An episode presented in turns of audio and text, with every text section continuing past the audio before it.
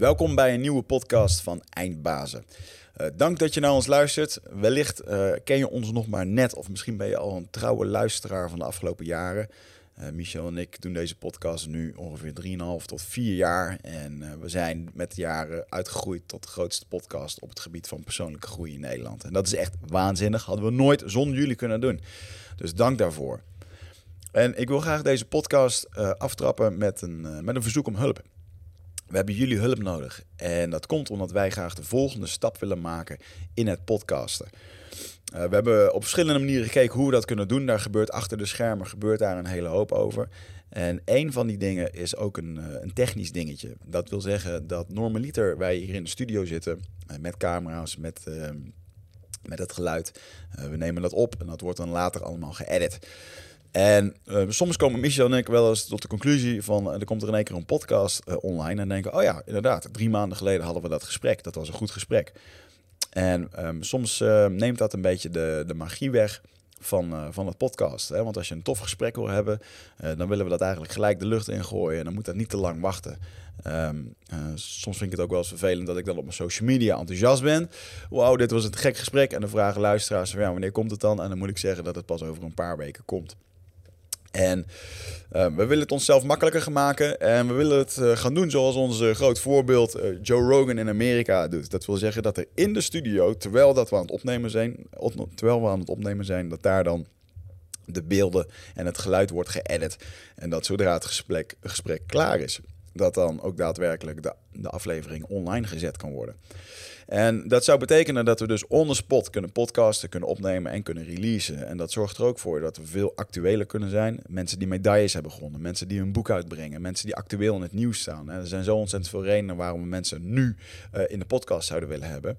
En er zijn natuurlijk veel meer eindbazen dan slechts die 52 eindbazen die we nu per, eh, per jaar doen, omdat we iedere week willen releasen. We zouden veel meer kunnen doen. Dus dat is wat we jullie willen bieden. Meer content en op een snellere manier online. En uh, het aantal gasten dat bij ons in de studio wil komen, ja, dat begint ook steeds meer uh, een groter formaat aan te nemen. Grotere namen. Dus we zitten echt te popelen om daar mee aan de slag te gaan. Maar daarvoor willen we jullie hulp vragen. We hebben daarvoor technische apparatuur nodig. Die kost 5000 euro. En we hebben de afgelopen jaren echt tienduizenden euro's in het editen uh, in de studio's. We hebben drie studio's versleten. Uh, de camera's, uh, de, het geluid. nou, wat ik net al zei, het edit, het hele proces eromheen. En we werken daar iedere week kaart aan met een, met een team van vrijwilligers dat ons daarbij support. En dit keer hadden we zoiets van, weet je, um, we gaan het gewoon vragen aan onze luisteraars. Dus hierbij komt de jongens. Heb jij je ooit geholpen gevoel, gevoeld door deze podcast? Wellicht heb je mooie stappen kunnen maken omdat je bepaalde kennis kreeg of bepaalde inzichten. Uh, of heeft het je geholpen in, in moeilijkere periodes? En, uh, ja, om, om, om alles tot een succes te maken. Misschien je relatie, misschien je werk, misschien je privé. Als het je heeft geholpen op een manier en je zou ons iets willen teruggeven, ja, dan zouden we dat heel erg waarderen als je dat wilt doen via eindbazen.nl. Op de voorpagina staat een kop. Daar kan je naar onze crowdfunding pagina. Um, en je, mag een donatie achterlaten naar keuze. We hebben verschillende pakketten gemaakt. Je mag een donatie van een euro doen, van een tientje, van 50 euro. Uh, je krijgt een chocoladereep, een handgeschreven brief. Je kan in de studio komen met je vrienden uh, om een podcast te komen te bekijken op het moment als wij die aan het opnemen zijn. Of uh, je kan er zelfs eentje opnemen met ons. En dan kan je die zelf verspreiden op je eigen kanalen. Of als je zegt, nou, um, ik, ik ga jullie helpen ik vind het tof wat jullie doen. Ik betaal in één keer dat bedrag. Dan, uh, dan krijg je bij ons een plek uh, in, uh, in de eindbasisstudio. En dan releasen we die uitzending ook, omdat je dan voor ons echt wel een, een eindbaas bent. Um, nou goed, kijk eventjes op eindbazen.nl. Daar kan je de crowdfunding link vinden. nogmaals, wij hadden dit nooit zonder jullie kunnen doen. Um, en we zouden het echt onwijs waarderen ja, als jullie hulp... Um, als je je ooit geholpen voelt door de podcast en je wil wat terug doen voor ons dan is, het, dan is dit het moment om dat te doen. En uh, dan kan ik echt niet wachten totdat we hier aan de slag kunnen gaan met die nieuwe apparatuur.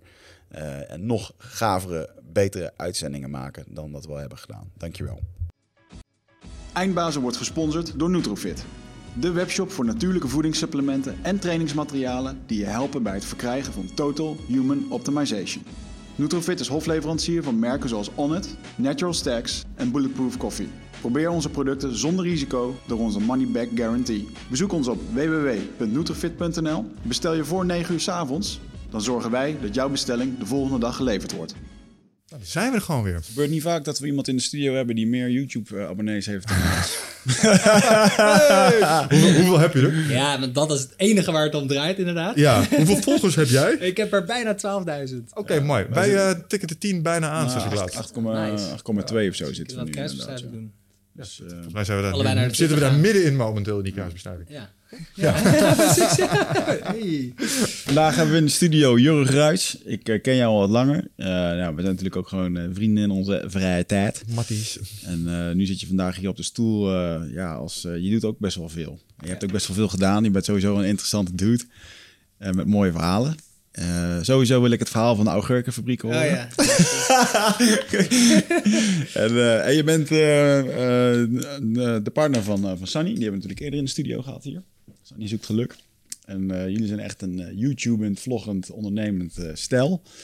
En ik denk dat het heel erg inspirerend is voor... nou, we hadden het er net al een beetje over. Ik denk dat een hele hoop mensen willen wat jullie zijn.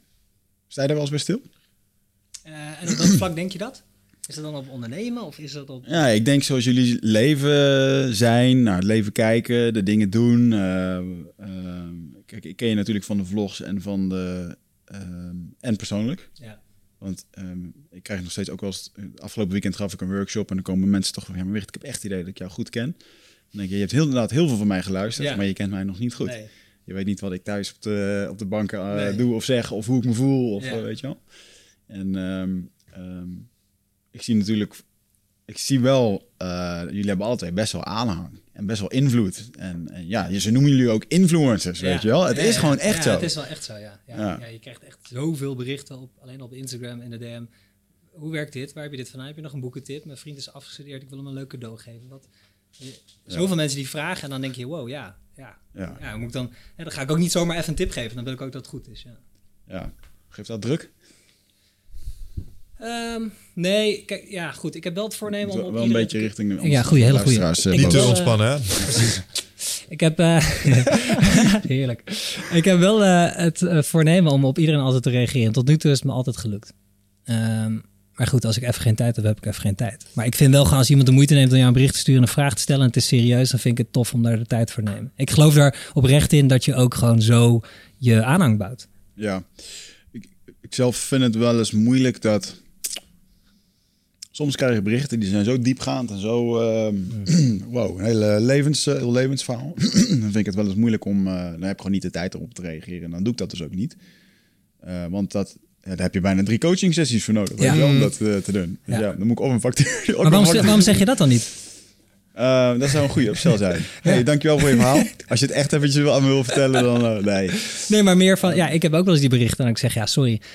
Jij, jij stelt mij nu heel veel vragen en ik Ja. krijg tien keer zoveel vragen op hetgeen wat jij mij stelt. Ja. Dat ik kan dit niet in een DM beantwoorden en ik heb ook helaas niet de tijd om dat te doen. Maar dan heb ik in ieder geval wel gereageerd. Ik, ik zat onlangs nog te denken, ik moet dat eh, protocol van Toon Gerbrands eh, gaan implementeren. Waarbij ik één keer in de twee maanden een vrijdag pak. En dan kun je gewoon lekker langskomen. Ja. En, eh, dus bij deze jongens. eh, Elke je- vrijdag, elke- hier zo, Iedere vrijdag. koude. Eh, nee, maar dan, eh, dan heb je gewoon een uur. Maximaal vijf mensen. Ben je in je eentje, dan heb je geluk. Ben je met z'n vijven, en dan doen we het met z'n vijven. En na een uur is het toch ook gewoon klaar. En, eh, Wat doe je dan? Wat is ja, dan eh, kunnen ze gewoon met je in contact komen. Of, want heel veel mensen voelen de barrière van ja, eh, ik kan niet naar je workshop komen, ik heb geen geld, ik heb geen, geen coaching. Of ze, of ze, of ik krijg van die berichtjes, man, onze levens zijn zo hetzelfde. Ik voel me zo verbonden. We moeten echt een keer koffie drinken. En dan, ja, Ja. eh, Ja. nee. Nee, want ik heb andere dingen Ja. ook te doen. Ja. Dus, en ik snap dat wel, hè? Ja. want als mensen dat zo voelen, en ik heb dat zelf natuurlijk ook, eh, eh, ik heb dat zelf met Aubrey Marcus dan eh, gehad, ook wel, weet je, zo'n Amerikaan die echt nog, nog tien keer bekender was. dan dat hij nu al, of nou, tenminste, hij is nu natuurlijk tien keer bekender, maar toen was hij ook al gewoon, ja, in Amerika, gewoon honderdduizenden mensen, weet je wel. Ja. En dan is het best wel vaag als je gewoon in één keer een, een brief krijgt of een, of een e-mail met iemand die heel zijn hart lucht. ja. En je bedankt voor van alles, wat heel mooi is, dat moet je nooit vergeten. Nee. Maar het, het blijft ook nog wel eens awkward. Ja, het blijft Ik wou net zeggen, vind jij het Ja. nooit ongemakkelijk? Ja. Ik bedoel, ik herken dit ook wel. ehm, waar ik gelukkig niet zo door gehandicapt ben, is eh, de, de, de SLA die je zelf oplegt. Ik krijg Ja. ook wel eens berichten. Ja. En vooral in het begin vond, voelde ik echt een verplichting daarbij eh, om eh, overal netjes op te reageren. Inderdaad, en inderdaad overal netjes op. eh, op een gegeven moment moest je dat gewoon loslaten. Ja. Joh. Want dat, eh, het uitbesteden is ook niet echt netjes van dat soort dingen. Maar als je het dan, weet je. Dus, Ja. En ik hoorde andere mensen ook gewoon keuze maken van ja, sorry, het lukt gewoon niet Nee, meer. maar als het niet lukt, lukt het niet. En, ik heb, en dat vind ik altijd heel mooi met dit soort dingen. Het is een beetje hetzelfde als met, met WhatsApp hebben we dat ook. We hebben met z'n allemaal zo'n zo'n on, onuitgesproken afspraak. Je moet binnen een bepaalde tijd reageren. Maar ik denk dan altijd, waar heb ik getekend daarvoor? En dat heb ik hier zo af en toe ook een beetje Staat bij. misschien stiekem in de terms and conditions. Ja, ja, Je zo van, oh ja, als je gebruik maakt van Instagram, Moet je dan binnen een moet half je... uur ja, reageren? Cultureel, Nergens. eh, cultureel besloten voor jou. eh. Precies, en daar probeer ik me wel een klein beetje aan te ontrekken, want anders wordt het zo af en toe wel een klein beetje Ja. gek huis. Hey, maar ehm, je bent een, eh, een drukke baas, ook ondernemer. Ja. Culture Builders is een bedrijf wat je hebt. Daar, ehm, eh, daar zie ik je veel mee bezig. Maar ja, anderzijds zie ik je ook heel erg veel bezig om gewoon je eigen, het merk Jorg Ruis neer te zetten. Ja. Zie je voorbij komen Peugeot-reclames. waarin je mensen coacht eh, in auto's en eh, echt heel wat toffe dingen. Dus ehm, ik laat de aftrap gewoon eventjes bij jou. Eh, wie is Jorg Ruis? Wie is Jorg Huis? Ehm, nou, het mooie, ik ga dan toch even naar het verhaal van die augurkfabriek. Ik denk dat dat een mooi begin is. Dat is een mooie opener. Ja, dat is een mooie opener. Ja, dus ehm, een van mijn allereerste zomerbaantjes was in een. Ik woonde in een boerendorp met eh 4.000, 5.000 in- inwoners. En in het boerendorp verderop was een augurkfabriek. En eh, ik kwam via het uitzendbureau kwam ik daar terecht. En eh, ik had al wat baantjes gehad in kwekerijen en dergelijke. Dus ik, ik was niet vies van werken. Ik vond het ook wel heel erg leuk. Hard werken, gewoon eh, dat was tof om te doen. Maar deze was wel heftig, want ik ontbad, eh, ontbad nooit. Ik ontbeten nooit, s ochtends. En dan stond je om zeven uur 's ochtends aan de lopende band in een augurkenfabriek met allemaal geur van augurken en zilveruitjes. En mijn job was daar om rotte augurken van de lopende band af te halen. Dat was het enige wat ik hoefde te doen. En ja, best een simpele job. Was ook behoorlijk saai en het maakte, het, het werd alleen maar saaier omdat het was één hele lange grote lopende band door de fabriek heen. En als er ergens anders in het proces iets gebeurde waardoor die lopende band stil moest staan, dan stond het dus bij iedereen stil. Ja, dan stond je dus gewoon een beetje duimen te draaien. En dat gebeurde echt wel elke 10 minuten, kwartier, dat die lopende band even stil stond. En nou, de eerste dag stond ik daar netjes. Nou, en die augurken komen voorbij. Hè. Je moet je voorstellen, er komt gewoon een tractor aan. Die, die heeft zo'n hele grote aanhangwagen. Die kiepert zo'n grote berg augurken erop. Die komen zo die lopen de band op. En jij moet dan zo, oh ja, zo'n zo'n rotte augurken tussenuit halen. Dat deed ik dan. En eh, na verloop van tijd stond die band stil. En de tweede dag dacht ik, ja, weet je, ik, dit is gewoon zo ongelooflijk saai. Dus elke keer als die band stil stond, ging ik maar een beetje eh, gezichtjes kerven in de goede augurken die wel doorgingen. En eh, na, ik denk ik, een uurtje of zo kwamen die augurken dus ook in het hele proces in die potten terecht. En toen had iemand dat gezien. Die zei, hey, er zitten in de goede augurken allemaal gezichtjes. Wie doet dat? Toen zijn ze even dat gaan uitzoeken. En toen kwamen ze bij mij terecht aan het begin van het hele proces. En zeiden, hey, misschien moet je een ander eh, zomerbaantje vinden. En eh, toen dacht ik, oké, ja, dat is misschien wel een goed idee. Dus dat was het een van de weinige baantjes die ik niet lang heb uitgehouden. En niet vanwege het werk of iets dergelijks, maar gewoon omdat ik liep te klooien. Maar ik weet wel, bij al die zomerbaantjes, ik merkte gewoon bij de ene bij het ene bedrijf kwam je binnen en waren mensen trots op wat ze deden. Waren ze enthousiast, vonden ze het leuk om het je uit te leggen. En waren de conversaties overwegend positief. En bij andere bedrijven waar ik terecht kwam, was iedereen aan het zeiken. En dan gingen ze een rookpauze houden. En dan zeiden ze alleen maar van ja, wat het management nou weer heeft besloten. Ah, dat gaat nooit werken. En dat was echt een negatieve sfeer. En het enige wat ik mezelf toen beloofde, voor zover ik dat mezelf kon beloven. En ik hoop, eigenlijk een hoop uitsprak. Ik hoop later in een bedrijf te komen waar het beste in naar jou naar boven wordt gehaald. En eh, hoe ik daar, eh, ik wist het hele woord cultuur en al die dingen, ik wist er helemaal niks van af. Maar het enige wat ik hoopte van, oh, ik hoop echt dat ik in dat bedrijf terechtkom waar mensen positief zijn. Waar mensen tof vinden om te laten zien wat ze doen en waar ze goed zijn in wat ze doen. En dat ik niet in zo'n bedrijf terechtkom waar iedereen alleen maar op de bitje, zonder dat ze zelf iets doen, van wat er allemaal misgaat. En vele, vele, vele jaren later zat ik in Silicon Valley, kwam ik heel vaak eh, bij Facebook en Twitter en Google naar binnen. En toen kwam ik erachter, ja, dat, dat is eigenlijk gewoon cultuur. En al die bedrijven spenderen er super veel energie aan. En eh, daar ben ik verder mee gegaan. Dus ik ben Jorg Rijs. Ik heb een bedrijf dat heet Culture Builders. Ehm, daarmee helpen we andere bedrijven een goede cultuur te creëren. Eh, ik heb dat zelf bij twee bedrijven gedaan eh, voordat ik dit bedrijf begon. Twee technologiebedrijven, The Next Web en Messersbeurt. Dan was ik officieel een functie Chief Marketing Officer, maar ik deed het er altijd naast. En zo kwam ik een beetje achter dat dat eigenlijk meer mijn purpose is. Als we het hebben over dat woord. Ik vind het gewoon heel tof om mensen bij elkaar te brengen en ervoor te zorgen dat zij hun beste werk kunnen doen. Mm. Dat ze het, be- het beste uit zichzelf halen. En uh, ja, en daar heb ik ook nog een YouTube-kanaal over. Ik ben twee jaar geleden begonnen met dit bedrijf. En toen dacht ik, ik ga voor het eerst ondernemen. Ik ga vast hilarische fouten maken. Misschien moet ik dat maar vastleggen. En als uh, experiment ben ik gaan vloggen. Ik vond helemaal niks met zo'n camera over straat en dan erin gaan praten. En dat alle mensen naar je kijken. Dat je denkt, ja jeetje man, ben ik hier nou aan het doen? Maar ik had met mezelf afgesproken om tien weken te doen. En uh, mijn oordeel even te laten voor wat het was. En toen in één keer vond ik het toch wel stiekem heel erg leuk. Ja. Dus ik heb ook een YouTube-kanaal daarnaast over ondernemen. Dan, dan leg je daar je fouten in vast. Wat is de, wat is de meest uh, vermakelijke fout die je hebt gemaakt in de afgelopen jaren? De vermakelijke fout. Ehm, Vaak ook de pijnste, pijnlijkste. pijnlijkste, ja, ja, ja. Vermakelijkste fout. Nou, er is eentje die me wel te binnen schiet, maar heel vermakelijk is niet. Maar, en dat doen best wel veel mensen die voor zichzelf beginnen. Is dat je de eerste maanden heel druk bezig bent met je naam, met je logo en hoe het allemaal uitziet. Maar je eerste klanten komen gewoon uit je eigen netwerk. En ja, they don't give a shit, weet je wel. Dus dat is een, geen vermakelijke fout, maar wel een fout die heel vaak voorkomt. Vermakelijke fout. ehm, Daar had Jos Burgers het hier destijds ook over.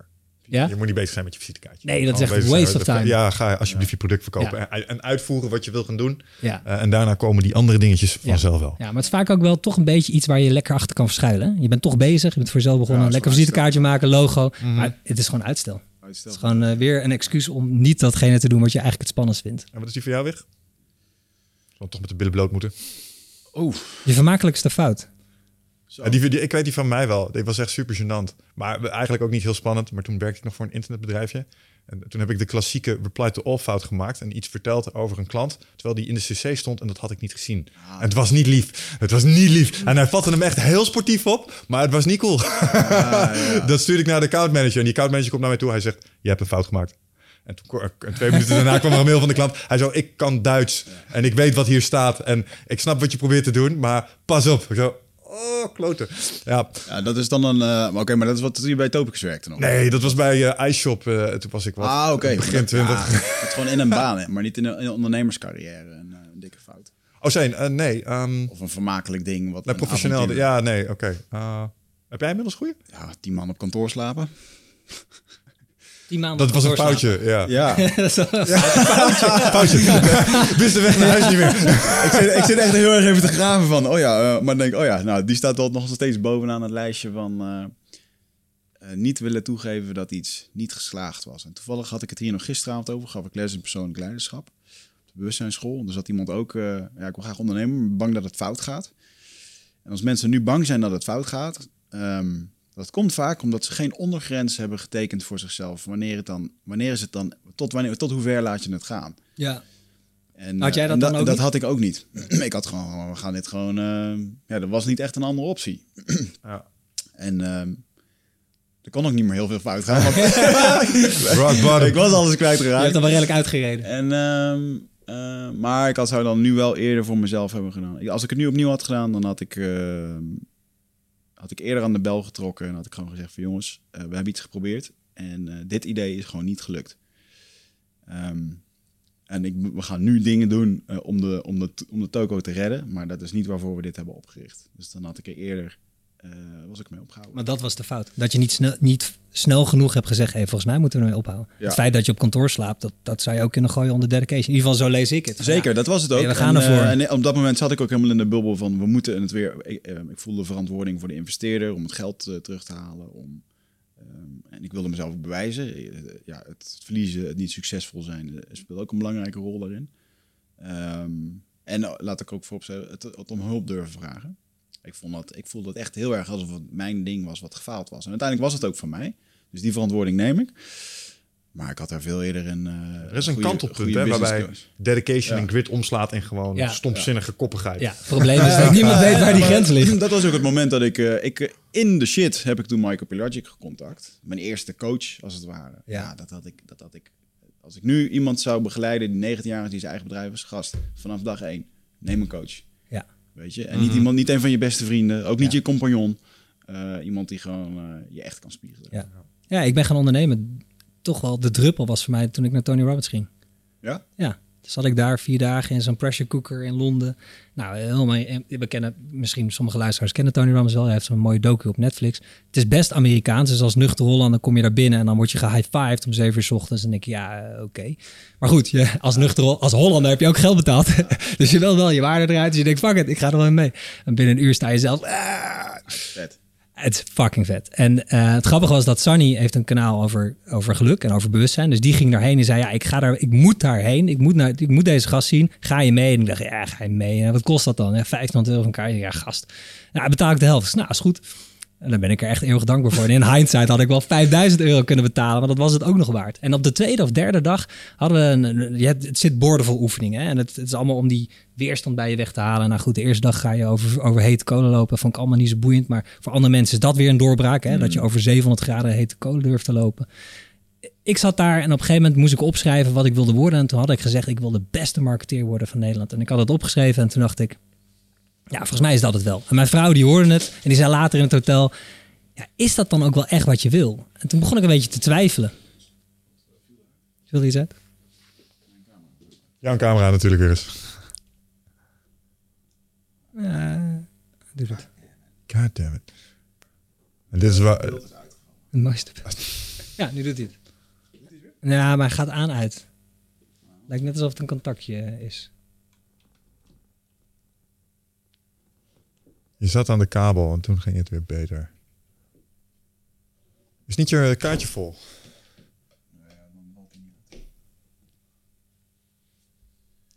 En dit is waarom we een nieuwe studio-inrichting doet bij het. elkaar hebben Dat gecrowdsourced. was het trucje Dus, eh, van het, eh, de accu eh, bewegen. Nu, nu, ja, nu doet het. Don't touch it, man. Don't touch it. Hier heb je wat kauwgom. Nee, dat je niet meer aan zitten. je Subaru overheen.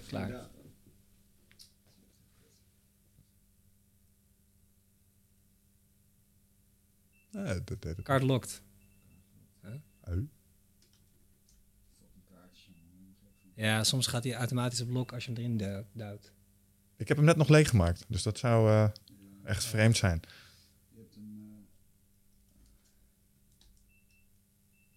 No card.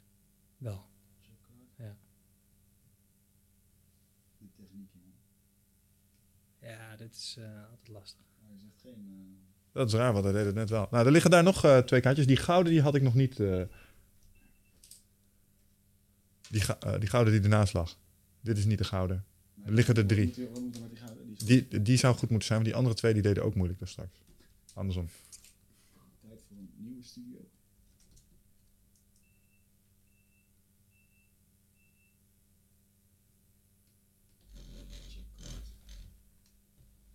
Toet, toet, toet. We'll be right back after this short break. Ja, jij gaat dit eh, troubleshooten? Oké, nou, maak je geen zorgen. Dit komt er in de final edit. Zie je echt helemaal, Helemaal niks, niks. Nee hoor. Helemaal strak getrokken. Wat is zijn dit voor wazige kaarten, joh? Die, eh, Dit zijn de kaarten die we al eh, twee jaar gebruiken. En dan zet hem eens uit en dan aan, want, want je, je doet het terwijl je hem aanhoudt. Dat verneukt bij mij vaak ook dingen. Echt? Ja, dus dan zet ik hem even uit, Grappig, aan. Nee? Je denkt niet Het zijn nog steeds houtje-touwtje oplossingen af en toe. Ja. Dat je echt soms zo, achter techniek zit. Nee, ja, het eerste wat je doet is uit- en aanzetten. Klassieke hul- eh, helpdesk trucje. ja, precies. Heeft hij hem al uit en aangezet? Ja, nee, dat eh, lukt niet, want de stekkers zitten niet in. Ah, oké. Hey, ik denk dat we hier wel klaar zijn, of niet? Ja. Ja, dat betekent dat die kaart gewoon gebrekkig is. En die allereerste kaart er weer in, nadat je hem hebt uitgezet. Uh, Wigert heeft ook nog nieuwe kaartjes. Ik heb ook nog een kaartje. Andersom, plaatje naar je toe.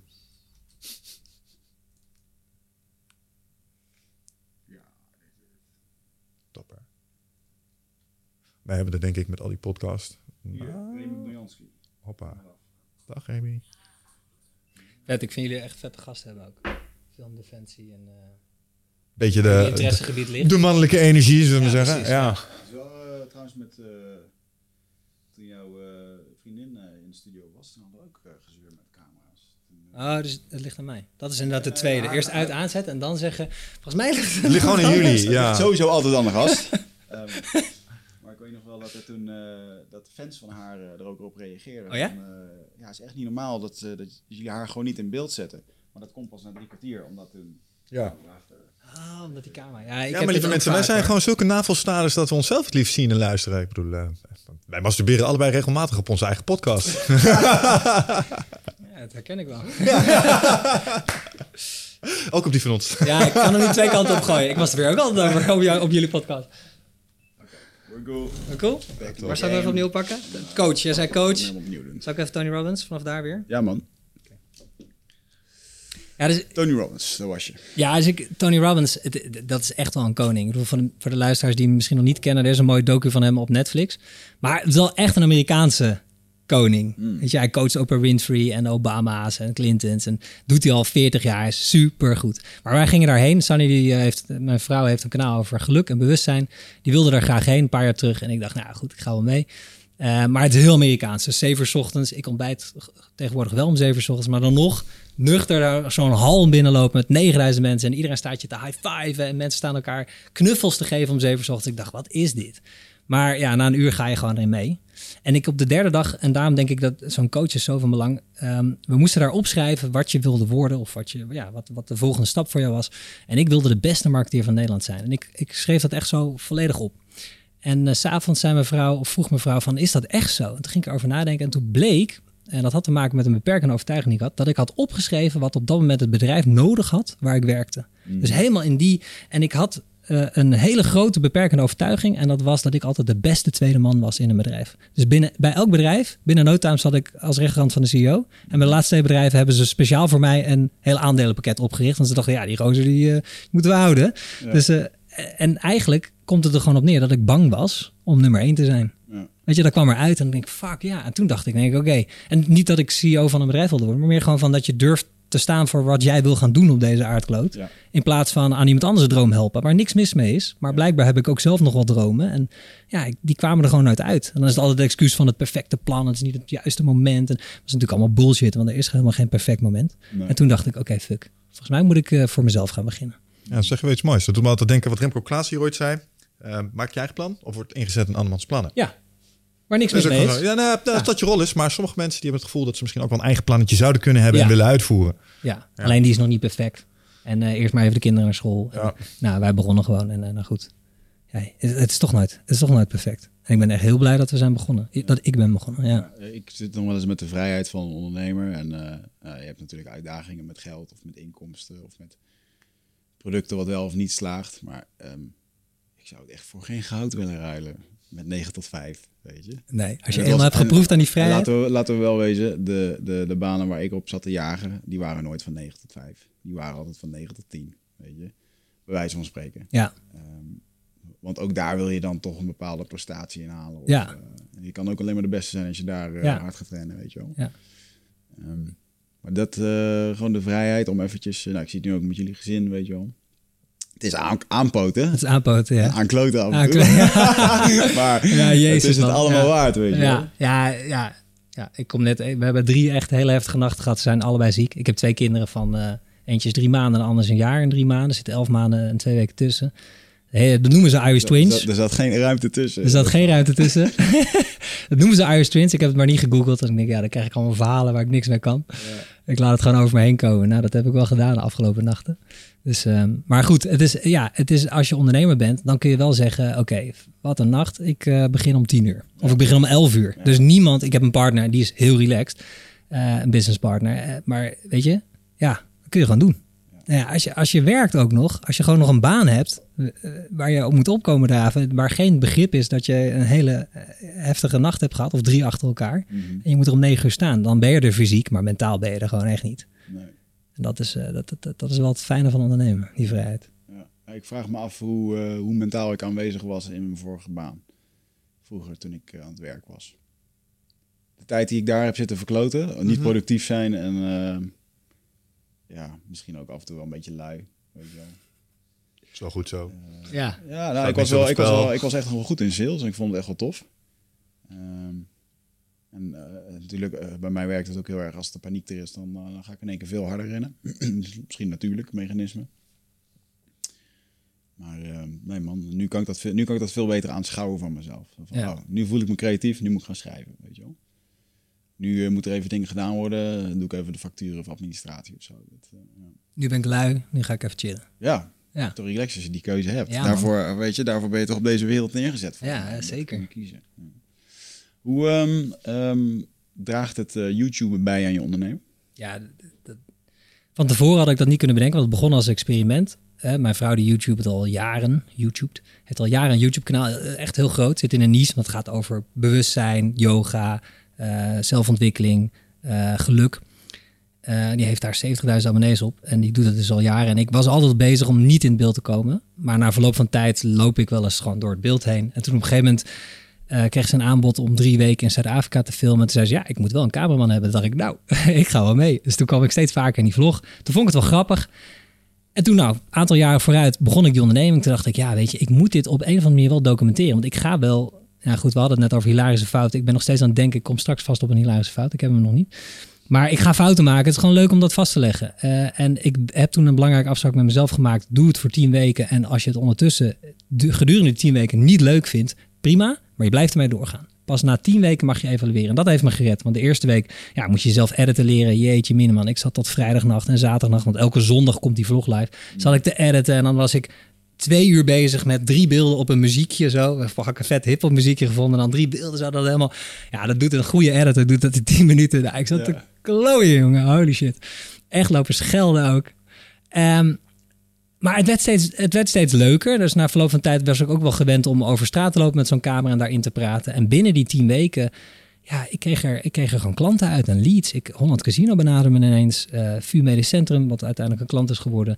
Eh, ik kreeg samenwerking met ING voor het YouTube-kanaal zelf. Dat ik dacht, hè? Ze zeiden, ja, we vinden het leuk. Je hebt ondernemers als publiek. Wil je niet een eh, campagne maken over beleggen? Want veel ondernemers verdienen natuurlijk geld. Maar ja, die moeten zelf een pensioen opbouwen. Dus beleggen is een mogelijkheid.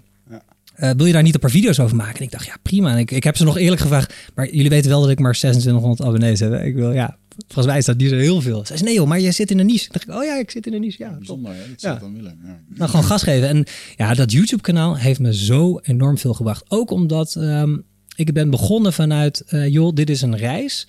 Ik heb ook geen idee.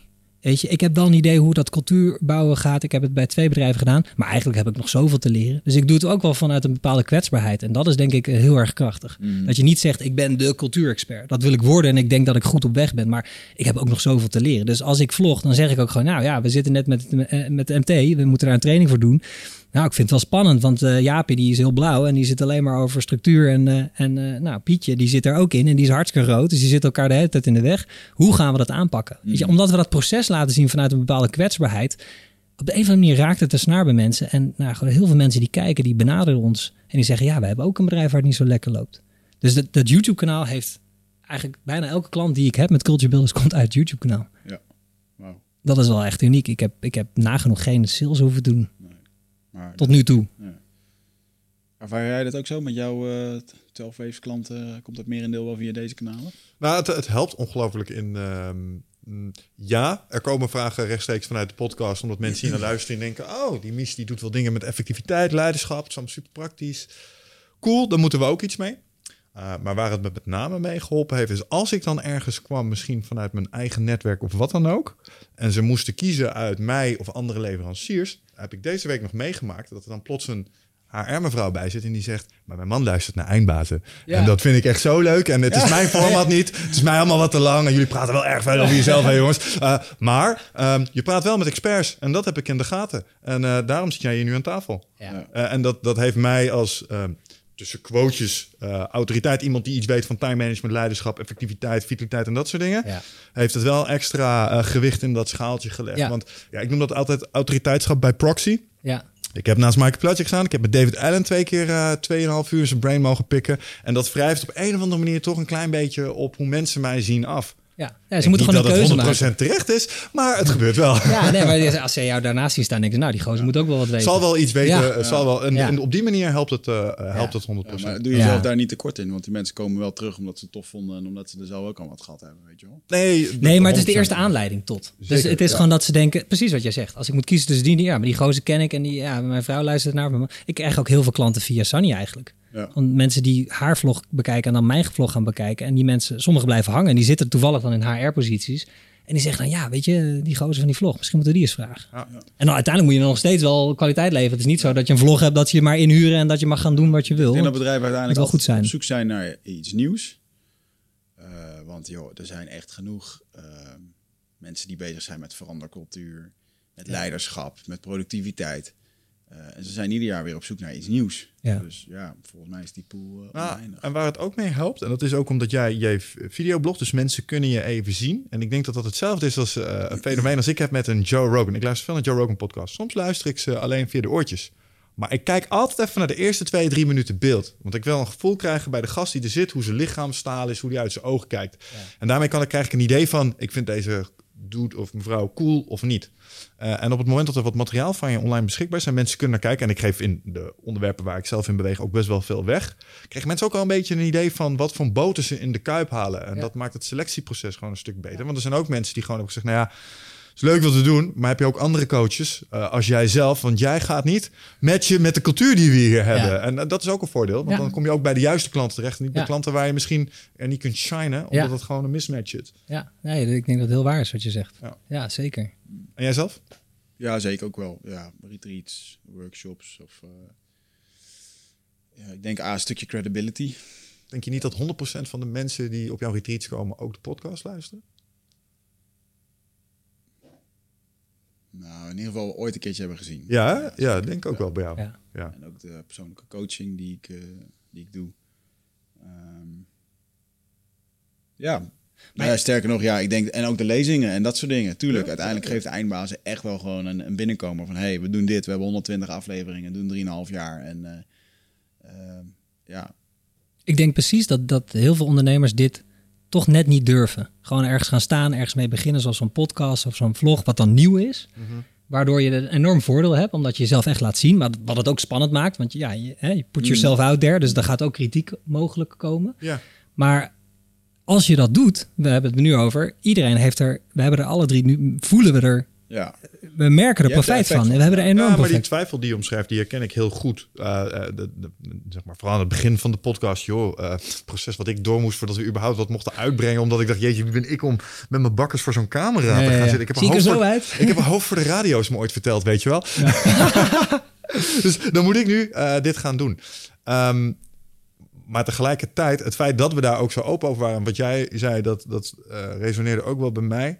Wij hebben vooral in de early days, in de podcast hebben we ook best wel veel laten zien. Bijvoorbeeld jij over Easier. Super transparant. uh, over, over de rock bottom dingen. Uh, de relaties uh, die, we, uh, hebben, die we zijn aangegaan, maar ook die we kwijt zijn gegaan. Daar hebben best wel mensen in meegenomen. Uh, onze ayahuasca verhalen, waarbij je toch wel je diepste trauma's eventjes soms emotioneel op tafel legt. Ja. Dat maakt je menselijk. Ja, en dat, en dat werkt gewoon heel goed, want mensen kunnen daar heel snel mee connecten. En als je alleen maar de perfecte plaatje probeert neer te zetten, ik vind dat een ouderwetse gedachte van een merkbouw en ook. Het maakt, je een, het maakt je min of meer immuun voor kritiek. Ja. Want, want de kritiek die mensen kunnen geven, um, die, die is er misschien wel, maar als jij je authentieke zelfje bent, dan ben je in het, tenminste dat merk ik dan, dan ben ik in het reinen met mezelf. Ik doe me niet als meer voor als ik ben. Ik ben gewoon, ik ben, het is wat het is. Als je iets van vindt, dat is prima. Ik denk dat sommige mensen die hiermee beginnen, en dat zie ik ook wel eens, en dat voel je, Um, dat is een podcast en die, en die kijkt was van een gast die heeft een trainingsbedrijf en die brengt die dan zo af en toe uit. Dan denk ik, ja, maar je bent hier ook jezelf een beetje aan het etaleren. Juist. En dat mm. deden wij in de eerste podcast ook. En daar hebben we snoeihard op gecheckt. Bijvoorbeeld bij Jos Burgers, de commentaren. Hey, je hebt het alleen maar over jezelf en je vindt jezelf ben je aan het oppoetsen. En daar, daar, daar haken mensen op af. Ja. En ik denk dat dat de feedback is waar sommige mensen die van het begin, want dan hadden wij ook al, wil je even, ja. wij zijn er ook. En naarmate we langer dit gingen doen, ging dat er helemaal af. Ja. Konden we kwetsbaarder zijn. En toen kregen we ook echt een fanbase die bleef plakken. En dat is eigenlijk het keyword, die kwetsbaarheid. Dat is zo belangrijk in je persoonlijk werk. En dat is eigenlijk grappig genoeg, als ik het bruggetje mag maken, is in die cultuurtrajecten waar wij met bedrijven mee bezig zijn, is kwetsbaarheid, zeker als leider, is extreem belangrijk. Mm -hmm. En veel mensen, zeker wat oudere mensen, hebben nog een traditioneel beeld van de leider. De leider moet er altijd staan, krachtig, altijd alles weten. Maar dat, tuurlijk, er zijn momenten dat je als leider moet je de boel leiden. Maar je kan dat ook vanuit kwetsbaarheid doen. Mm -hmm. En als je vanuit kwetsbaarheid uh, leidt, dan bouw je heel snel vertrouwen. Wat zijn uh, onderwerpen, vind jij, waar mensen, waar, waar, leiders typisch niet kwetsbaar genoeg op, op zijn? Nou, wanneer, wanneer het, uh, leiders vinden het heel mooi. Ik had een bedrijf die hadden een waarde. We werken veel met kernwaarden of zinnen of iets om een basis neer te zetten om daar een cultuur op te bouwen. Zodat iedereen een beetje snapt wat willen we hier nou realiseren qua cultuur. En uh, die wilde, dat had hij nog niet doorgevoerd, maar die wilde transparantie als kernwaarde uh, in zijn bedrijf doorvoeren. Mm. Zei ik, nou, het is een hele mooie kernwaarde, maar het is een van de moeilijkste om te leven. Mm. Ja, want 80% van de grootste bedrijven op aarde hebben kernwaarden, maar niemand leeft ze. En ze hangen mooi aan de muur als je -hmm. binnenkomt bij de receptie en er is een mooie poster en staat op de about page. Maar als je daar dan drie weken werkt, dan denk je, oh ja, dit is wat er echt, wat er echt toe doet. En Netflix zegt dat mooi, de kernwaarden is eigenlijk de echte kernwaarden zie je op de manier hoe mensen worden gepromoveerd, aangenomen en weer uh, ontslagen worden. Dat is op, op die beslissingen die zijn gebaseerd op de echte waarden, wat er echt belangrijk is.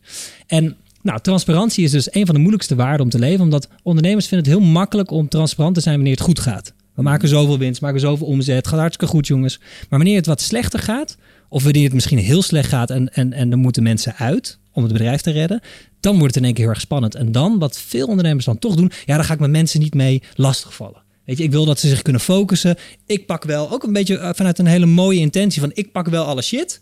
En dan kunnen jullie lekker gewoon focussen. Mhm. Maar mensen die betrokken zijn in een organisatie, die willen gewoon alles weten. En ze hoeven niet alles te weten, maar die willen wel weten hoe het gaat. En je hebt, nou goed, ik heb het zelf nog niet persoonlijk meegemaakt, maar ik heb een verhaal gelezen van een ondernemer bij wie het zo slecht ging dat de mensen uit moesten. En toen adviseerden ze hem, ga nou gewoon voor de, voor de, voor de, voor, voor de groep staan en, en don't sugarcoat it. Maar zeg gewoon wat er aan de hand is. En zeg ook gewoon vanuit kwetsbaarheid van ja, ik weet het eigenlijk ook niet. Ik vind dat we dit met z'n allen moeten gaan doen. Ik wil jullie hulp. Hè, hulp vragen, ook weer iets zo'n terugkerend onderwerp. En toen hij dat deed, zeiden genoeg mensen zeiden, hell yeah, we gaan dit fixen. Weet je, de, de, de kern kwam gewoon bij elkaar en zegt, oké, let's fix this shit, weet je wel. En eh er vielen een paar mensen af die zeiden, ja hallo, ik vind mijn salaris wel belangrijk. Eh, ja, twee maanden niet doorbetaald krijgen vind ik best lastig. Ehm, maar vanuit die kwetsbaarheid had hij in één keer een heel hecht team gecreëerd. Wat eigenlijk altijd al was. Maar hij zei, ja jongens, ik weet het eigenlijk ook niet meer. Ik heb jullie hulp nodig. Jullie hebben allemaal specialisten, eh, specialismes. Eh, jullie zijn allemaal ergens goed in. Laten we dit met z'n allen fixen. Dit is de situatie. We hebben nog een runway, zoals ze dat mooi zeggen. We kunnen nog, nog zoveel maanden door. Eh, maar we moeten nu al kort op salarissen. Of misschien sommige mensen al niet uitbetalen. Eh, eh, hoe gaan we dit doen? Weet je, en ja, die kwetsbaarheid is, is echt super mooi. Als je dat kan doen als leider. Eh, mag ik nog een, een, een ander die met de binnen schiet?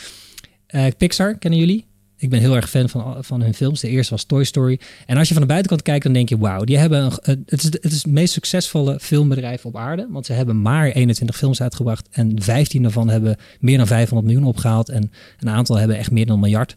En ze zijn allemaal, bijna allemaal box office hits, zoals ze dat mooi zeggen. En eh Ed Catmull is een van de oprichters. Die liep op de campus van Pixar. En een interview liep naast hem. En ze liepen in het nieuwste gebouw dat ze hadden gemaakt. Prachtig, echt prachtig. Weet je, re- restaurants. eh, Ik ben nu of jullie ooit in Silicon Valley zijn geweest, maar in Amerika, weet je, als er veel geld is, dus zij, zij zetten echt de prachtigste, prachtigste gebouwen neer met restaurants en ja, sleeping pods. En je kan je puppy mee naar kantoor nemen. Het is gewoon hè, volleyballen, noem maar op, met een step van het ene gebouw naar het andere gebouw. En hij liep daar met die interview en de interviewer zegt, wat een prachtig gebouw. Dit is echt een mooi gebouw. En zei hij, ja, weet je, het is een prachtig gebouw, maar het is echt de duurste fout die wij ooit hebben gemaakt. Ja, waarom? Eh, Die interviewer zei, hè? Weet je, een, gemiddelde CEO zou zeggen, ja, klopt. Prachtig gebouw. Weet Mooi, je? ja. Dat is mooi, ja, dat hebben we goed gedaan. En hij zei, het is de duurste, duurste fout die we ooit hebben eh, gemaakt. Want waarom? De gang waar wij nu doorheen lopen, die is eigenlijk een meter te, te krap. Waardoor eh, er te weinig mensen door de gang heen kunnen. En waardoor er ook te weinig eh, toevallige ontmoetingen zijn. We hebben ook echt verkeerde beslissingen genomen met waar mensen nou gewoon zich het meest ophouden. Weet je wel, de, de kantine staat gewoon op een verkeerde plek. Er is een reden dat als je nu naar Apple kijkt, hun nieuwste kantoor eh, is een grote ronde disk. Dat hebben ze zo ontworpen, zodat zoveel mogelijk mensen met elkaar toevallig op elkaar opbotsen en dus met elkaar gaan kletsen. Waar ben jij mee aan het werk? Oh, heb je dat probleem? Oh, dat hebben wij vorige week net gefixt.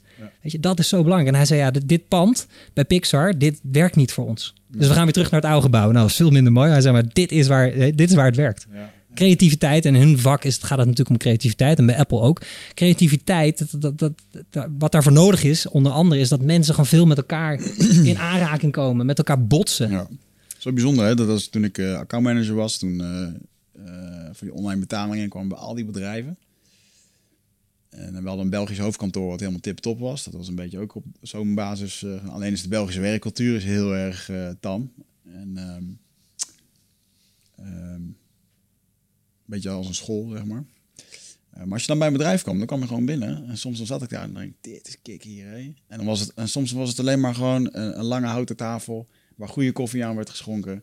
waar je dan aan zat te vergaderen. Dat voelde zo tien keer beter dan een of andere vies boardroom... met, eh, ja, wat gewoon een kantoor was, weet je Ja. wel.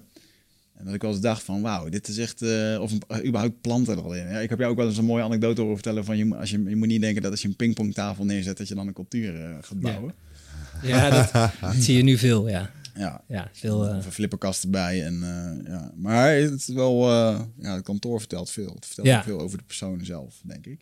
ja, ja. Ik kijk even om me heen.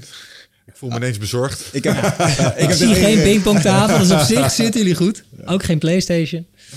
Nee, maar goed. maar- Dit is ook een hele dure fout die wij wel eens hebben Ja. gemaakt. Wij, zitten- wij zitten hier ook één keer per week. Nou ja, kijk. eh, Toen ik heel vaak in Silicon Valley was en dus bij die, bij die Twitter, Facebook, Tumblr, bij al die techbedrijven binnenkwam. Facebook, het nieuwste kantoor van Facebook. Ontworpen door volgens mij die architect Frank Gehry. Grootste overdekte kantoor ter wereld. Zeven restaurants, eh, een ice cream shop, een game hall. Echt, toen ik daar liep, dacht ik, het is Disneyland voor volwassenen. Mhm. Dit moet wel de plek zijn waar je je beste werk kan doen. Mhm. Weet je, dit, dit kan gewoon niet anders. Alles is voor je weggenomen, zodat je je kan focussen op het probleem. Moet je naar huis om te wassen? Geen probleem. Le leef het hier toch bij de stomerij in. Kun je lekker doorwerken. Weet je, wil je even, even slapen? Nou, geen probleem. Daar is een sleepingpot. Heb je honger? Geen probleem. We hebben zeven. Dus overal is over nagedacht, weet je wel. Dus als je daar loopt, denk je, oh my god, dit is het. Nou, als je daar dan vaker komt, en ik ken wat mensen die werken, dan zitten daar ook managers die eh, onzeker zijn en niet kunnen delegeren, waardoor het hele team met elkaar overhoop ligt. En dan heb je dus niks aan je pingpongtafel. En dat is mijn ja, dat is vaak wel wat ik sommige bedrijven zie doen in Europa. Die kijken dan naar Silicon Valley, veel techbedrijven, start-ups hier in Nederland. En denken, oh ja, wij moeten ook... Weet je wel, het is ook een grote corporate die een keertje een PlayStation en pingpongtafel heeft aangeschaft. En dacht van, nou, nu komen de developers wel. En de developers die kwamen, moesten wel in pak. Nou, als je een developer echt heel ongelukkig wil maken, moet je zeggen dat hij pak aan moet. Die wil gewoon op zijn slippers en een t-shirt komen. Dus, de- dus dan komt je echt de cultuur er doorheen. Of dan wel die pingpongtafel neerzetten en dan twee weken lang gaan mensen gaan pingpongen. En op een gegeven moment, jongens, voor zessen mag er niet meer gepingpongd Ja, worden. ja, want ja, ja, we vertrouwen jullie eigenlijk niet. Hilarisch dat je dat, Dat, is dus geen die, cultuur. Dat is gewoon, dat is gewoon eh, ja. Wat maakt er veel lawaai? Hilarisch Ja. dat je dat zegt over die developers. Eh, Ik, ik hoorde een keertje, die gast die heeft zo'n antivirus software gemaakt. Ik weet niet hoe dat die heet. McAfee? Zou wel kunnen, ja. Dat hij een vergelijking maakte van ja, het is niet gek dat Rusland en eh, China op dit moment voorlopen met, eh, met al dat hacken. Want eh, daar mogen ze gewoon doen en laten wat ze willen. En ehm, ja, als je hier een goede hacker wil hebben in Amerika, dan moet je eigenlijk gewoon toestaan dat hij A, heel veel geld verdient. Dat hij gewoon mag, mag smoken op zijn werkplek. En dat hij zelf mag bepalen hoe dat hij eruit ziet. Anders ga je ze niet binnentrekken, weet je wel. En ehm, eh, eh, ah, hij noemde veel van die... eh, oh, dat was ook een verhaal. Ik geloof dat ehm, de vergelijking kwam volgens mij dat Rusland en China vaak criminelen ook aanbiedt om eh, te komen werken. Zo van, hé, hey, je bent goed in hacken. Je mag je straf uitzitten, maar dan bij ons. En, eh, en in Amerika is dat dan echt een not-done verhaal. Eh, ja, juiste mensen op de juiste plek in dit geval. Maar Ja. Zit jij vaak in je hoofd? Eh, neem je heel veel informatie tot je video's, podcasts, boeken? Eh, nou, voel je niet schuldig, dat doen heel veel mensen natuurlijk. Hè, maar vaak zijn we op zoek naar antwoorden.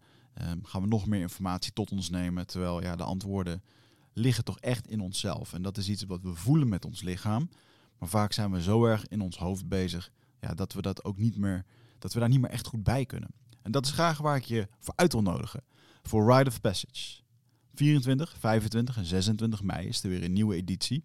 Voor mijn retreat voor persoonlijke ontwikkeling. Waarbij het thema echt is om uit het hoofd te komen in dat lichaam. Want dat is waar je alles ervaart. En ik wil dat je gewoon weer in contact komt met, met die, die intuïtie. Ehm, en dan gewoon een heel sterk eh, innerlijk kompas. Dat je gewoon weer weet waar je naartoe moet. Wat je te doen staat. En dat je gewoon weer helderheid hebt over wat je wilt en hoe dat je dat gaat doen. En dat doen we middels eh, bio-energetische oefeningen, dynamische meditaties, een stuk shamanisme zit erin. Het enige wat er bekend is van het programma is dat er een zweethut in zit. Eh, en natuurlijk gewoon hands-on persoonlijk leiderschap. En dit retreat krijgt een 9,2 gemiddelde van meer dan 331 deelnemers. Daar ben ik ontzettend trots op. Sterker nog, er is ook een money back guarantee. Vind je niks na drie dagen, krijg je gewoon je geld terug. Dus het enige risico dat je loopt, is dat je gelukkiger wordt. Klinkt dit als iets voor jou en durf je het aan? Dan zie ik je op Ride of Passage. Ga naar wichertmeerman.nl en klik op Retreat. Pingpongtafel van PlayStation ga je niet magisch helpen om eh, goede mensen aan te trekken of goed werk te laten doen. En wat is als je in 80% van de gevallen krijgt eh, wel het laaghangend fruit? Waar zou je bij 9 van de 10 bedrijven kunnen beginnen en dan maak je echt een formidabele stap. Mm, nou, Gangbreedte is een cruciale, heb ik net gehoord. gangbreedte. Ehm, communicatie toch, ja, het zijn toch wel een beetje de onderwerpen die je ook wel zou verwachten. Communicatie komt zo vaak naar voren. Je merkt dat veel bedrijven vinden het heel belangrijk dat mensen goed hun werk kunnen doen. Maar als het gaat om informatiestromen, dan houden ze toch best wel veel voor zichzelf. Ehm, en als ze communiceren, geeft ze heel weinig de context. Ja. Dus stel voor, je werkt bij een bedrijf en er is een eh, ander bedrijf overgenomen. Dan komt de CEO daar staan en zegt, jongens, we hebben een bedrijf overgenomen. Te gek hè? Ja, te gek. Het gaat ons helpen met dit. Nou, tof. Eh, zijn er nog vragen? Nou, 40 mensen. Niemand heeft ooit vragen, want de veiligheid is betrekkelijk laag. Dus niemand durft daar natuurlijk hè, een vraag te stellen. Want je wil niet dom overkomen en je wil niet bedweterig overkomen. Dus eigenlijk komt er nooit een vraag. Maar die mensen hebben wel vragen in hun hoofd. Dus veel bedrijven denken, nu is het goed, nu is het klaar. We hebben gewoon gezegd, we hebben een bedrijf overgenomen, we zijn er. We hebben, we hebben alles gezegd wat we konden zeggen. Maar dan lopen mensen weg en die hebben vragen en denken, ja, we hebben een bedrijf overgenomen. Komen die mensen dan hier zitten? Is er dan een dubbele plek in één keer? is mijn baan dan nog wel? Weet je, komen dan een tweede marketingmanager? En ik ben ook al marketingmanager. Heb ik mijn baan dan nog wel? Dat soort dingen gebeuren in mensen hun hoofd. En dan gaan ze buiten roken. En dan gaan ze zeggen: Ja, maar ik hoorde dat Jaapie. eh, nou, dan komen de geruchten. En eh, communicatie, eh, als je controle wil houden over, de, over het bericht, over de, over de boodschap, dan moet je zorgen dat je tien keer zo vaak communiceert als je nu al doet. Dus als een CEO, als ik met een CEO zit, zeg ik, ja, wij communiceren best wel goed. Nou, doe het nog maar tien keer zoveel. Dan bels ben je echt goed aan het communiceren. Want er is altijd wel iemand die op zijn telefoon staat, of die er niet was. Of, dus één keer die boodschap communiceren heeft geen zin. Je moet hem drie keer doen en dan het liefst op drie verschillende manieren. Dus één keer is de aankondiging bij mijn bedrijf gekocht. Maand erop doe je een update. Nou, we zijn bezig met integreren. Hoe ziet dat eruit? De derde keer vertel je een mooi verhaal over waarom jij als CEO dit zo belangrijk vindt. Of waar jij ziet dat deze, eh, dat deze industrie heen gaat. En waarom dit zo'n belangrijke aankoop is geweest. Heel veel context geven. Heel veel. Ja, je moet gewoon continu communiceren. En dat doen veel CEO's te weinig. Mm. Dat is denk ik een soort van laaghangend fruit. Want het, En hoe, en hoe fix je dit? ja, het is gewoon, eh, CEO's hebben vaak ook heel weinig tijd. Maar ja, er is één voorbeeld CEO voor mij. Dat is Howard Schultz, de eh, oprichter van Starbucks. Die heeft tot 2017... Nou, 2017 kwam hij weer terug als CEO. Toen hij terugkwam was de waarde van Starbucks in één jaar eh, gelijk met 27% gestegen, geloof ik. En wat hij dus deed, ongeacht hoe druk zijn baan als CEO was, hij bezocht... Hij heeft een tijd lang vijf vestigingen per dag bezocht. Dat is echt wel echt, echt gekke werk. Veel. Dat is heel veel. mee bezig zijn. Maar als je er vijf per week al doet, dan vind ik het al uniek. Dus elke stad waar hij kwam, hup, ging die Starbucks binnen, ging hij een praatje maken en vertelde hij dus verhalen over wat vinden wij bij Starbucks belangrijk. Het is niet elke keer die kernwaarden opzommen waarin zij in geloofden, maar gewoon één voorbeeld van zo'n kernwaarde wanneer dat een keertje op de werkvloer tot uiting kwam. En soms als hij meer tijd had, dan deed hij een schort om, ging hij achter de balie staan en dan zei hij tegen de volgende kant, wil je een frappuccino of eh, nou, grande, whatever, eh, met melk. Eh, eh, en dan ging hij gewoon daar meehelpen. Ja. Weet je, en voor ons Nederlanders, als je het verhaal hoort, denk je, ja, het is weer zo'n Amerikaan, weet je, als show. Er staat waarschijnlijk een, eh, een tv-ploeg op, weet je. is gewoon even laten zien dat hij de CEO is en dat hij wel gewoon met gewone medewerker kan connecten. Maar dat is dus bullshit, want hij heeft dit jarenlang gedaan. Gewoon elke week, elke dag. Gewoon de tijd nemen. En dat is dus een onderdeel van de CEO. En sommige CEO's die denken, oh, nu zit ik daar. Het gaat voornamelijk, ik ben voornamelijk bezig met bedrijven overnemen en met de strategie. En dat, maar die strategie moet wel landen. En die landt dan in die cultuur. Ja. En daar moet je ook zijn.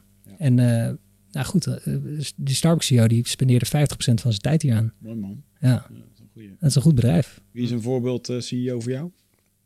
Oh, wauw. Eh, Elon Musk. Waarom is het een, waarom is het een mooi voorbeeld? Je dat Uh, mooi omdat deze dude eh, eh, problemen head-on eh tackelt met een eh, pragmatisme en een doortastendheid eh, die ik echt geniaal vind. Oh, we hebben een probleem. Nou, dan is dit een oplossing. Ja. Oh, je hebt een verkeerprobleem. Nou, dan schrijven we toch gewoon een tunnel. Ik heb Ja. een keer tien minuten lang over praten over het graven van een tunnel. En, Ja. eh, gewoon een tunnel. Een tunnel is de oplossing. Nou, het is gewoon, gewoon zijn pragmatisme en, eh, en zijn vermogen om, eh, eh, om praktische oplossingen te verzinnen. Maar heeft helemaal niks te maken met eh, cultuur natuurlijk. Kom ik denk ik toch terug eh, op een eh, leidinggevende waar ik het eerder over heb gehad, waar ik zelf onder gediend heb. eh, bij Topicus. Christian Mast. En wat die man gewoon heel goed deed, was, en dat is precies wat jij zei, hij had een positie iets hoger in de boom, maar hij kwam telkens terug naar de werkvloer, begreep wat daar gebeurde, ging ook gewoon met je mee naar overlegjes waar het pittig was. Dan stond hij met je vooraan in de loopgraven te knokken voor de moeilijke onderwerpen. En als je iets goeds had gedaan, dan becomplimenteerde hij niet alleen jou, maar dan gaf hij dat even je, het succes voor de hele groep. Dan, dan haalden die mensen, daar hebben ze mee, ik heb een keer een interface gemaakt voor een back-office, mocht je een formulier mee editen. En ik was er best blij mee. Het zag er mooi uit. Ik had het goed gedaan. Maar hij kwam en hij werd gek, jongen. Dit is echt vet. Dit is vet. hey, kom eens kijken, kom eens kijken. Dit, dit moeten we hebben, jongen. Dit ziet er mooi uit. Jongen, echt. En ik groeide. En daar heb ik jaren op geteerd. dat weet ik nu Ja, nog. en precies dit, precies dit. Veel bedrijven denken dat als mensen om salarisverhoging vragen, dat ze echt meer geld willen. Maar ik durf te zeggen, goed, dat is mijn mening, eh, dat mensen niet eigenlijk die salarisverhoging willen, maar die willen waardering. Die willen, want ja, op die salarisverhoging teer je misschien twee maanden. Hè, 500 euro erbij, best wel een behoorlijke stap. Tuurlijk. Kun je weer een paar schoenen kopen. Zijn, zijn zeker belangrijk. Zeker belangrijk. Maar als dit er maar is? als dit er is, hier kun je veel langer op teren. Als jij thuis komt, dan, dan heb je dit verhaal. En, en, en, en als je op een verjaardag komt en je oom vraagt hoe gaat het? Nou, bam, weet je, dan gooi je dit verhaal eruit. Dan ga je niet zeggen, ik heb 500 euro salarisverhoging gekregen. En jaren later ik. is het nog steeds een template voor iets wat ik denk dat goed leiderschapgedrag is. En nu vertel je weer dit verhaal. Hoe lang geleden is dit? Uh, dit is jaren geleden. Ja. Meer dan tien jaar terug. Ja, dus dat maakt een diepe impact. En dat, dat, is, dat is een ander laaggang stukje vooruit, denk ik. Dus qua communicatie, waar luisteren. Want wat jij net vertelt is ook iemand die dus gaat mee, met je meegaat en luistert. Het is niet alleen zenden. Uh, maar tweede is belonen. Veel bedrijven die belonen alleen, die denken alleen dat het of salarisverhoging is, of een promotie in functie, Bonus. of bonus.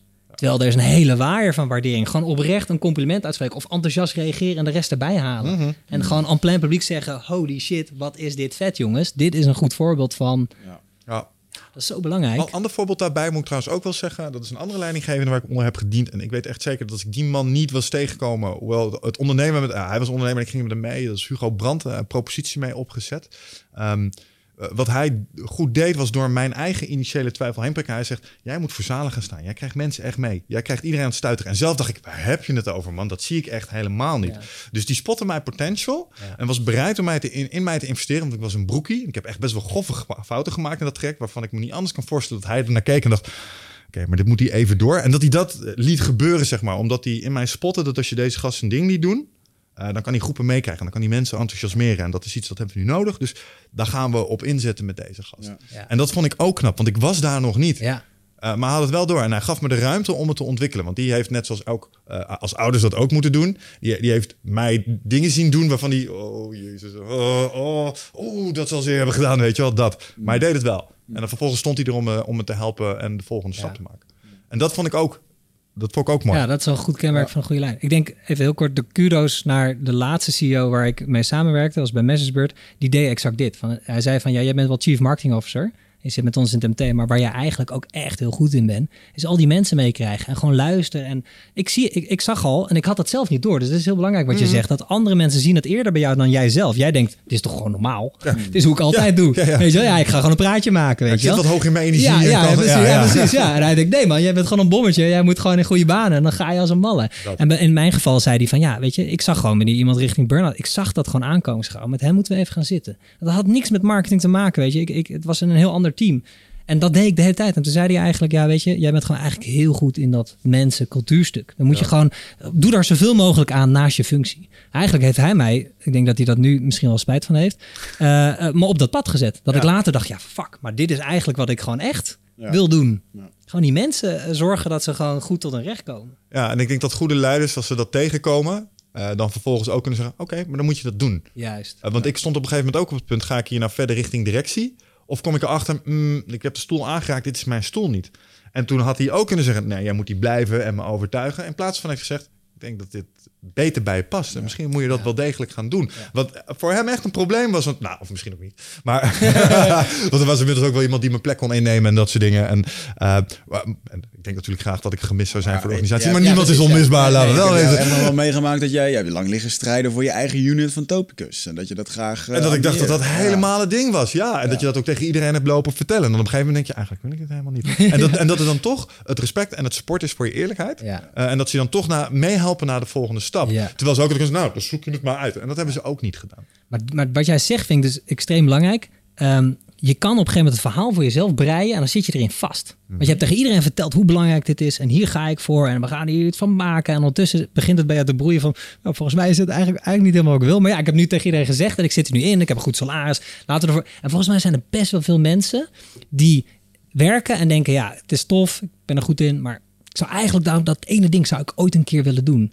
En, en daarvan, nou, van alle uren dat we wakker zijn, zijn we het meest aan het werk. Ik vind het altijd zonde als mensen naar hun werk gaan en twijfelen, is dit het wel echt? Ja. Of zelfs nog erger, op maandag denken, oh my god, het is weer maandag. Kijk, als je een weekendje Lowlands hebt gehad, dan denk je, oh my god, het is weer maandag.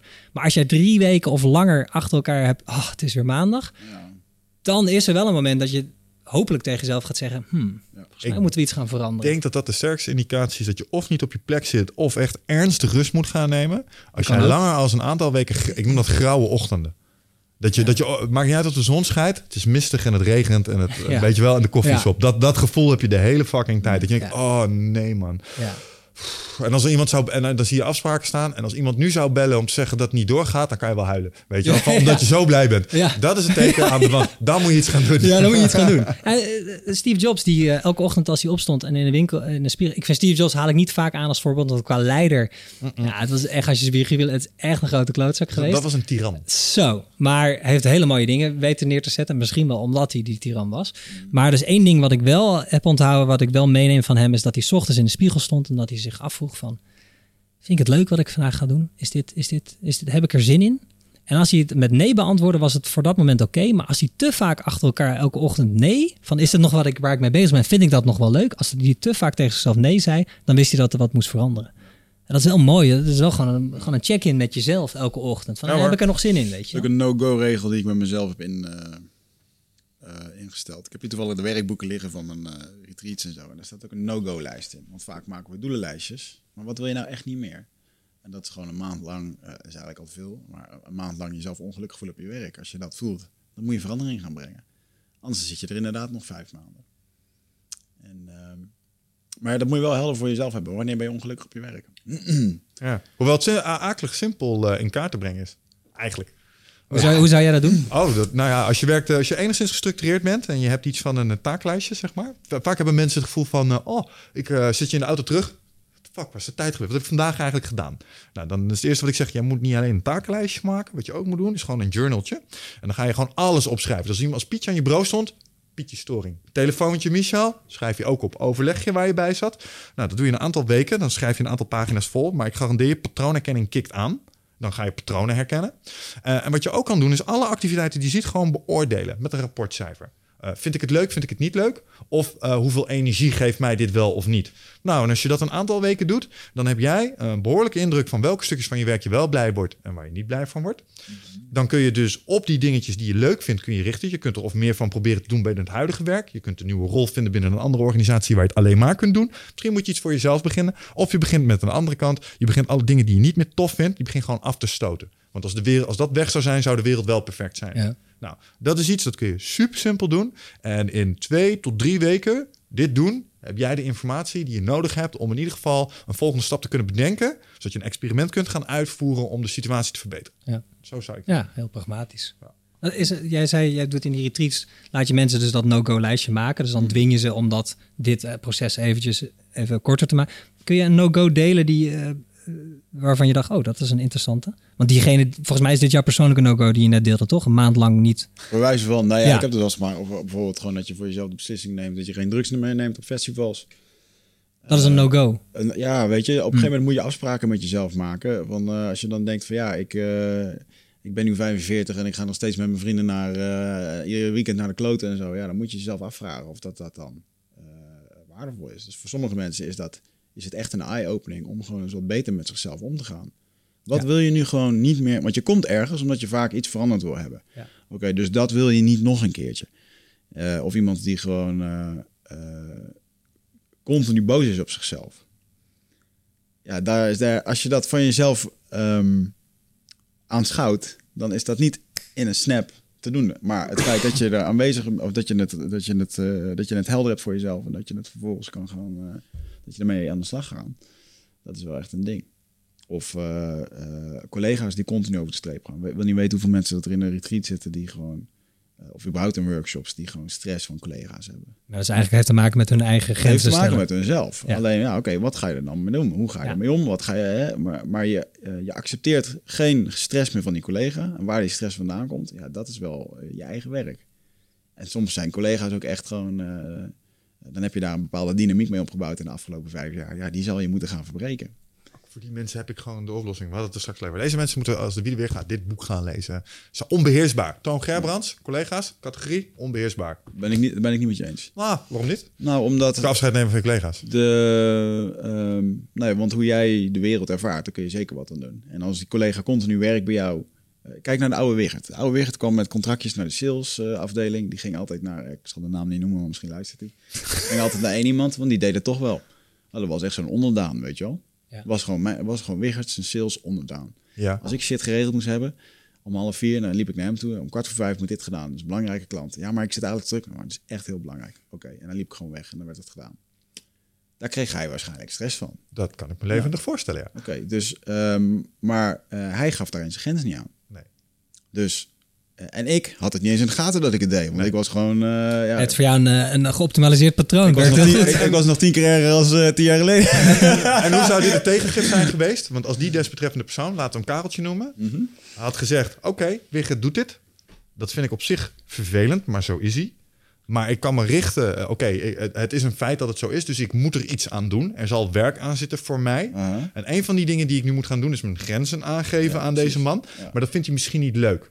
Maar het feit dat ik dat wel of niet leuk vind, kan ik niks aan veranderen. Dus dat is onbeheersbaar. Dus dat kan ik laten gaan. Dat is wat je stoics zou zeggen. En ik kan me alleen maar richten op het oordeel van mij op de situatie. Dus oké, dit is Wigert, die probeert dit te doen. Ik vind het niet leuk. Wat ik aan kan doen is zeggen, nee, doe ik niet. Je fix het zelf maar. En als hij daar dan boos op wordt, eh denken, ja, daar kan ik nu eventjes niet zo heel veel van doen. Dat ligt buiten mijn controle. Daar moet Wigert even zijn eigen werk doen. Ja, maar, ja, maar, dat, maar dat is echt Dat gewoon drie levels omhoog. Ja, Nee, dat- nee, dat snap ik wel. Maar dan, ja, dus ja, er zit nog een stap tussen eigenlijk. Gewoon puur alleen zeggen, hey joh, dit vind ik niet leuk. Ja. En dan een stilte laten vallen. ja.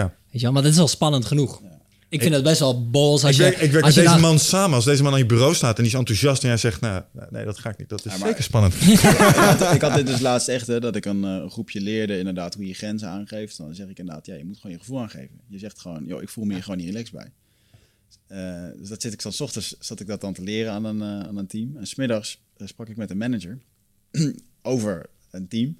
En dat hij echt zei, weet je waar ik altijd zo'n hekel aan heb? Als ze dan zeggen, ik voel me hier niet goed bij. ik zeg, dat is nou net wat ik heb geleerd, man, deze ochtend. Zo hilarisch, jongen. En, Maar dit is- en- maar en- ja, ja, dan zie je gewoon dat zo'n manager gewoon, eh, die heeft de dynamiek om gewoon door te douwen en niet te luisteren. En, eh, ja. Ja, en het, en het is best wel gek, want we hebben ook ergens gewoon het idee dat als je je bedrijf binnenstapt, je werk, dat je in één keer een professional moet zijn. Mm. Dat het bijna, voor sommige mensen dat bijna een masker opzetten. En waarom is dat niet zo? Nou, kijk, professioneel zijn en niet je gevoelens uiten, dat vind ik twee verschillende dingen. Tuurlijk moet je professioneel zijn in eh, hoe je met een klant omgaat. Maar je gevoelens uiten eh, eh, is wel heel belangrijk. Weet je, in een team, nou, wat wij vaak doen bijvoorbeeld, is ook een check-in. Weet je, dan begin je gewoon met een check-in met een team. En dan zeg je gewoon, ben je groen, oranje of rood? Groen is, je bent hier, je wil hier graag zijn, het gaat allemaal goed. Oranje is, je bent fysiek hier, maar ja, je hebt net een e-mail gekregen of een prestatie moet nog af. Of een boze klant belde op. Rood is, je bent al hier, maar eigenlijk moet je ergens anders zijn om shit te fixen. En dan doe je zo'n check-in. En dan zeggen de meeste mensen, ja, check-in, dat is over onzin, weet je wel. En nou, dan leid ik me altijd een beetje in, want de eerste die gaat zeggen, nou, ik ben groen. Dan zegt de rest, oh, eh, ik ben ook groen. Terwijl ze eigenlijk oranje zijn, weet je wel. Dus dan begin ik zelf van, nou, goed, ik heb de hele nacht niet geslapen, dus ik ben, ik ben redelijk oranje, maar ik word vanzelf groen. Ja. Eh, nou, dan zeggen andere mensen ook, ja, ja, ja ik, net, eh, ik moet eigenlijk iets afmaken, weet je wel. Ik zeg, oké, heb je iets nodig van deze groep? Weet je, moet je je telefoon aanhouden? Ik heb net gevraagd of iedereen zijn telefoon wil uitzetten, maar heb jij je telefoon, moet die weer aan? Weet je wel, moet hij dan op stil of zo? Of heb je van iemand hier? Nee, nee, nee, ik kom er zelf uit. Nou, prima. En het grappige is, het, het, is natuurlijk op de plek is het gewoon eh, enigszins therapeutisch. Maar het is ook een hele snelle manier voor de rest van het team om te weten... als jouw hond dit weekend is overleden... en je hebt geen mogelijkheid om dat te vertellen. Want als iedereen op maandagochtend vraagt hoe was je weekend... ga jij niet zeggen... Ja, hond, eh, weet je, dat, dat, dat- ja, precies. Fluffy. Dat, is alleen maar voor leuke dingen. Ja. Ja, Ja. Maar als jij woensdag... Shit, Trientje staat te huilen. En dan Ja. helemaal... En dan, gaat die, dan gaan al de dingen van, wat is Ja, en als jij woensdag dan voor de derde keer zegt... hé hey, gast, dit moet over een uur af, dit contract. En hij begint in één keer te janken. denk je, fuck, wat is dit? Terwijl hij, als er, een, als er een moment was geweest om die check-in te doen... had hij gezegd, ja, ik ben eigenlijk best wel rood. Want dit is er gebeurd. Nou, dan kun je zeggen als team, wat heb je deze week van ons nodig? Wel in de professionele setting, want we hebben nog wel wat dingen die we af moeten maken. Maar goed, begrijp dat je gedachte ergens anders zit. Moet je dan misschien vanmiddag toch eerder weg, zodat je morgen verser op werk komt, bijvoorbeeld. En dat doen teams toch te weinig. Want ja, we zijn wel gevoelsmensen, we kunnen onze emoties niet uitschakelen. En Ik denk dat best wel veel mensen dat doen. Dus toen jij zei, ja, het gaat erom dat je vaak bij jezelf incheckt, wat voel ik eigenlijk nu? Maar ik denk dat best wel veel mensen daar gewoon overheen gaan. Daar, Ja, heb, ik, een- daar heb it. ik een vraag over. Omdat ehm, we hadden het er straks over. eh Wig en ik gaan straks een podcastje opnemen. Gaan we een boekje bespreken. Dus hadden we het even over de War of Art, hè? Resistance. En eh, wat Steven Pressfield daar eigenlijk over zegt is... Resistance is zo filijn, jongen. Dat komt in alle vormen, in allerlei manieren. Het geeft je een bepaald gevoel. Het geeft je dan een huh, gevoel. En het enige wat jij hoeft te doen om het te overwinnen... is shut up, sit down and do the work. Ja. Want eh, al, dat, al dat, ik voel, het voelt gewoon niet goed en dit en dat, is eigenlijk ook een soort eh pijnvermijdend mechanisme. Want als ik me hier maar druk om maak, hoef ik niet dat vervelende werk te doen waar ik eigenlijk niet zo heel veel zin in heb. Of ik moet een moeilijk document maken en dat vind ik lastig en dat doet een beetje pijn. Net zoals een wiskundesommetje maken. Ehm, dus ja, het, het, het vloeit niet helemaal of zo. En, en tegelijkertijd, ja, dat heeft iedereen. En dan kom je in, in het vaarwater van uitstelgedrag. En je hebt een hele filijne vorm van uitstelgedrag. Dat heet aanklooieritis. En dan ga je druk maken met dingen die eigenlijk niet heel erg belangrijk zijn. Ja. Om je af te leiden van het werk wat echt moet gebeuren. Je daadwerkelijke doel. Je had het over purpose. Iedereen die binnen een organisatie werkt, kan volledig binnen zijn purpose zitten te werken. Maar op het moment dat je binnen je purpose zit te werken, is er iets wat opstaat om je ook voor de voeten te lopen. En ik denk dat de categorie managers waar we het er straks over hadden, die hebben geleerd dat dat weerstand soms ook wordt overwonnen door gewoon een pro te zijn, te gaan zitten, gewoon even je kop te houden en gewoon je werk te doen. Ja, er is zo'n verschil tussen zielig zijn of eh, zielig gedrag en eh, Zielig wat, doen, wat ja, energietrekkend gedrag. Ja. Of dat iemand gewoon echt even zegt van, ik voel me gewoon kut, want ik heb gewoon een gigastress om die en die reden. En dat mag dan gewoon, weet je. Het is wat anders als over drie maanden nog steeds eh, over, datzelfde, eh, over datzelfde katje hebben wat dood is gereden, weet je wel. Dan hebben we een andere Ik discussie. voel me hier gewoon niet veilig, want de manager maakt microagressies in eh, het verhaal over de overname. Weet je wel? Dan denk je, ah, kom op jongens. Weet je wel, je hebt trouble seekers Ja. en je hebt solution Ja. seekers. Ja, ja, ja, ja, precies. Nou ja, goed, je hebt, je hebt momenten dat je even moet zeggen... "Wel, jongens, even, gewoon even schouders ronden, even knallen. Ehm, maar zelfs, ik bedoel... Nou goed, jullie hebben hier meer mee te maken dan ik... maar zelfs in het leger is er tegenwoordig veel meer ruimte voor gevoel. Mijn broer is marinier geweest. Dan, eh, toen hij naar Joegoslavië ging, als je hoort hoe die uitzending ging ten opzichte van nu... is er veel meer plek voor gevoel. Omdat het gewoon, dat is er. Dat kun je ook gewoon niet ontkennen. Dat zit ook in die missies. Oh, basis van 100 procent. En ik denk dat je dat gevoel op gezette tijden ook ruimte moet geven. En je zult alle tijden naar sentimenten moeten luisteren. Alleen ik denk dat je wel moet differentiëren. Want ik heb zelf ook teams aangestuurd. En sommige dingen zijn gewoon niet zo belangrijk. En sommige mensen klagen gewoon graag. Ja. Eh, en die zijn gewoon graag iets minder druk bezig met het werk. Want dat vinden ze allemaal vervelend. En voor die specifieke categorie mensen denk ik... Ja, luister, je bent een professional. Je moet gewoon zitten. moet, moet gewoon even je werk doen. Ja. Uh, want er is gewoon een klus, daar krijg je gewoon een zak centjes voor. Uh, en dat is gewoon de deal die we hebben gemaakt hier met Ja. elkaar. Tegelijkertijd, als er een oprechte vroeging of er gaat iets niet goed in het team of je kunt verbeteren, altijd naar luisteren. Als je echt een fout maakt en dat heeft iemand een bepaald gevoel gegeven, tuurlijk, own it, ga ervoor staan. Maar die situaties onderscheiden zich wel. Ja. Ik denk dat je die intuïtief prima aanvoelt. Want iedereen kent wel van dat soort mensen waar ik in die categorie 1, waar ik het over heb. Ja, maar dat, dit is dus ook eh, wie selecteer je aan de poort. Die zitten überhaupt in je team. Kijk, als er mensen in je team zitten die gewoon geen fit hebben. Weet je, er zijn mensen die ik in startups heb aangetroffen, die, die willen zo graag bij een coole start-up werken. Mhm. Maar die, die willen eigenlijk gewoon in een multinational werken, want ze missen alle structuur. En dan gaan ze alleen maar zeiken van, ja, dit is niet geregeld, dat is niet geregeld. Je, je dat is helemaal- niet het type persoon die je in je team moet zitten. Dus, dus daar begint het ook bij. Van ja, laten de we wel reden dat ik, daar heb ik, fout, daar heb ik zelf hebben. in gemaakt. De reden dat ik daar fout in heb gemaakt is omdat er toen een bepaalde schaarste heerste. Bijvoorbeeld Ja. Java-ontwikkelaars. Ja. Als jij een Java-ontwikkelaar bent, jij bent echt je gewicht drie keer in goud Als waard. je kan ademen en Java kan coden, Serieus. Ga naar je baas, vraag 50% meer. Hij moet het je geven, want anders ga je weg en dan kun je het krijgen. Zo Ja. simpel is het gewoon. Ja. Eh, en dan, ik heb als ja gezegd tegen een bepaald DNA waarvan ik achteraf misschien had kunnen weten dat hij zich zo zou Ja. gaan manifesteren. Maar ik had codeapen nodig. Ja, daar zijn uitzonderingen. Dus dat was mijn fout, hè? Ja. Dus eh, Er zijn uitzonderingen, maar, en dat is, dat, en, maar kijk, veel bedrijven die, die, die kijken als je iemand aanneemt heel erg naar de skillset en de cv en de ervaring, maar vragen nog te weinig, eh, gaan nog verder weinig daaraan voorbij om ook te vragen naar mindset. Wat doe je in een bepaalde situatie? Of geef eens een voorbeeld van hoe je dit of dat hebt gedaan. Kijk, als jij als bedrijf zegt, bij ons is het belangrijk, we zijn een kleine club, we groeien heel hard. Wij hebben geen managers die jou gaan vertellen wat je gaat doen. Je moet het zelf uitvogelen. Nou, dat, dan is een kernwaarde die je daaraan vast zou kunnen hangen, is zelfstarter. Je bent een zelfstarter. Dit gedrag hoort daarbij als zelfstarter. Als je dus iemand gaat aannemen en die komt van, weet ik veel, van een hele grote multinational uit de tech-industrie, dan moet je wel checken, is die persoon wel een zelfstarter? Ik bedoel, ik heb, ik bedoel, ik heb ook mijn fair share of bad hires gedaan. Had ik iemand voor sales aangenomen en die ging dan zeggen, ja, ik moet een presentatie hebben. Oké, nou, eh, maak hem. Hier is keynote. eh, maak lekker een presentatie. Ja, maar bij mijn vorige bedrijf hadden we een afdeling die voor mij de plaatjes ging. En toen dacht ik, oh fuck, dit is... oh. fuck, toch een verkeerde hire. En eh, er is een methode om dat te doen. Google heeft een hele mooie methode. Die heb ik daarna toegepast. En dan ga je dus ook nog eens een keertje op die mindset uitvragen. Van, hé, hey, dan ga je in het volgende interview vragen. Kun je me een voorbeeld geven wanneer je uit jezelf iets bent gestart? En hoe ging dat? Ja. En die volgende hire die zei, ja, ik had ooit een bijbaantje, een snackbar, was de baas was ziek en het vet moest vervangen worden. en de uitkomst was voor iedereen verse frikandellen. Dat was echt serieus dit verhaal. Maar hoe hij het vertelde en hoe hij, het was heel duidelijk, schetste hij, ik was nog heel junior, ik had niet de diploma's om überhaupt in de buurt van die frituur te komen, weet je wel, en het vet te, vet te vervangen. Maar het moest, want al die mensen die konden geen verrotte patat of frikandellen mee naar huis krijgen. Ik heb dat gefixt, eind goed, al goed. Nou, dan denk ik, ja, gewoon, dit is gewoon een, een goed voorbeeld van zelfstarter. Ja, ja, helder verhaal. Nee, maar als je daarop terugkijkt, je kunt het die desbetreffende mensen ook niet, eh, niet kwalijk nemen. Want inderdaad, degene die de selectie doet, bedoel, het feit dat het in mijn optiek eh codeapen waren, zegt alles al. Want, want je zit, ja, nee, maar Het label alleen al. het label alleen al, ja. Want even voor je beeldvorming, dan zit je op een gegeven moment zit je klem met deadlines die niet te halen zijn. Het enige waar je nog naar op zoek bent is capaciteit. Ja. Capaciteit, we, we moeten regels code in deze applicatie krijgen. En dan verlies je het menselijke component uit het oog. Ik was, ik was ook jong nog, dus ik maakte hele gekke leiderschapsbeslissingen. Dus achteraf allemaal lessons learned. Hartstikke mooi. Ehm, maar ik ben helemaal met je eens dat als ik dat nu achteraf weer zou doen, en ik zou, daar zouden hele andere vragen aan ten grondslag liggen. Omdat die skillset, ik dacht toen dat het 80% van het spelletje was en dat de mens 20 was. Ik denk nu dat het andersom ligt. Ja. Dus leuk dat je kan eh, Java programmeren, maar Ja. dat is maar 20% van wat ik eigenlijk van je nodig heb. De, de rest zit in hoe je bent als mens en hoe je opereert onder bepaalde omstandigheden. Ja. Want slechts een Java-programmeurs kunnen een heel project redden omdat ze de juiste dingen doen en de juiste mindset hebben. Ik denk dat je een basis skillset moet hebben, maar dat je veel meer moet aannemen op EQ, op mindset. En heel veel skills zijn wel te leren.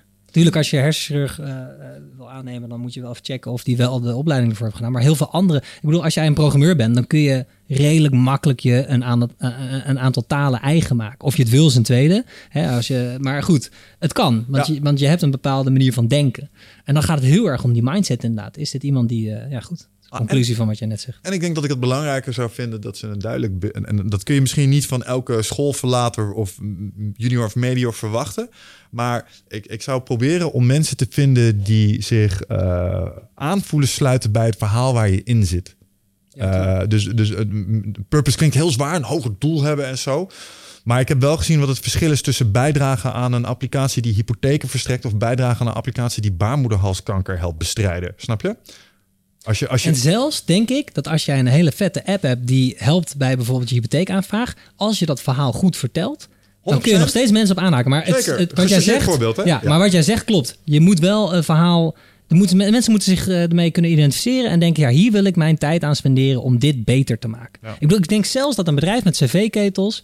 Die, die monteurs in dienst heeft, die cv-ketels installeert bij consumenten, denk ik dat die nog best wel iets vets daarmee kunnen doen. Die kunnen best een één keer in het jaar een dag organiseren waarbij ze alle cv-monteurs van Nederland uitnodigen en dat je geblinddoekt een cv-ketel uit elkaar moet halen en in elkaar moet zetten. Ah, Weet je hoe vet die gasten Ja, dat ja, vinden? ja, de mensen die echt goed zijn, die gaan daar heel lekker op. En dan is dat gelijk een recruitment tool. Want degene die dat blind, geblinddoekt kunnen doen, denk je, hey, misschien moeten we eens praten. En voor hun is het ook een manier van, hey, dit bedrijf is vet. Die, weet je, want er zijn heel veel mensen gewoon heel trots op hun werk. Ja. Weet je, als je cv-monteur bent, je bent hartstikke goed, je kan die buizen gewoon... Heeft iemand bij mij thuis, heeft eh, mijn vorige huis een cv-ketel opgehangen. Nou, weet je, dat zag er zo strak uit. En die zei, ja, Ja. we moeten niet zo'n rode bol doen, want dat hangt in je keuken. Je moet een witte bol doen. Denk ik, bestaat een witte bol? Ja, tuurlijk bestaat. Die dacht helemaal mee. Denk wat een, man. wat Zonder- een eindbaas is dat. Zonder die mensen ben je echt nergens. Nee, en, als eh, je dus als bedrijf cv-monteurs zoekt en je zoekt goede mensen, dan zou ik dus niet een recruiter in, dan zou ik dus een event organiseren waar je de, CV, de echt goede cv-monteur eert op een leuke manier. Dus geblinddoek cv uit elkaar halen en in elkaar zetten. Dat soort dingen. En dan die mensen aantrekken, weet je wel?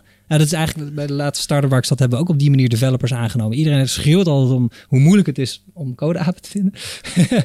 Ehm, Om die reden. om die reden, Omdat we het codeapen Ja. noemen. Ik maar een detacheringsbureau, die heet de Code Monkeys. Dus Ja. ja, ja, ja, Het goed, is op zich een- kan het een geuzennaam. geuzetitel, Het is een ja, geuzennaam. Het is een geuzennaam. Laat het Maar maar mooi. je moet dat wel. Je, moet- kijk, je moet niks. Maar ik denk als je het origineel aanvliegt. Wat we hebben bij Messersbeurt, het laatste bedrijf waar ik zat. eh, Waar, eh, waar wat, wat een, een, eh, iemand in tech had bedacht, in het techteam. Die, houdt, die hield heel erg en houdt nog steeds heel erg van die speciaal biertjes, weet je wel. Die IPA's. En eh, in ons werk hadden we veel te maken met eh, I, eh, zeg ik nou goed? IPA's zijn de biertjes en API's zijn de technologische platform waar je mee te maken hebt. En toen hadden we een borrel die we organiseerden. Dat heette IPA's en API's. Hadden een hele koelkast met speciaal bier. En er kwamen de eerste keer twee developers op af. En na een jaar stonden er gewoon 60 developers die allemaal PHP als codetaal gebruikten.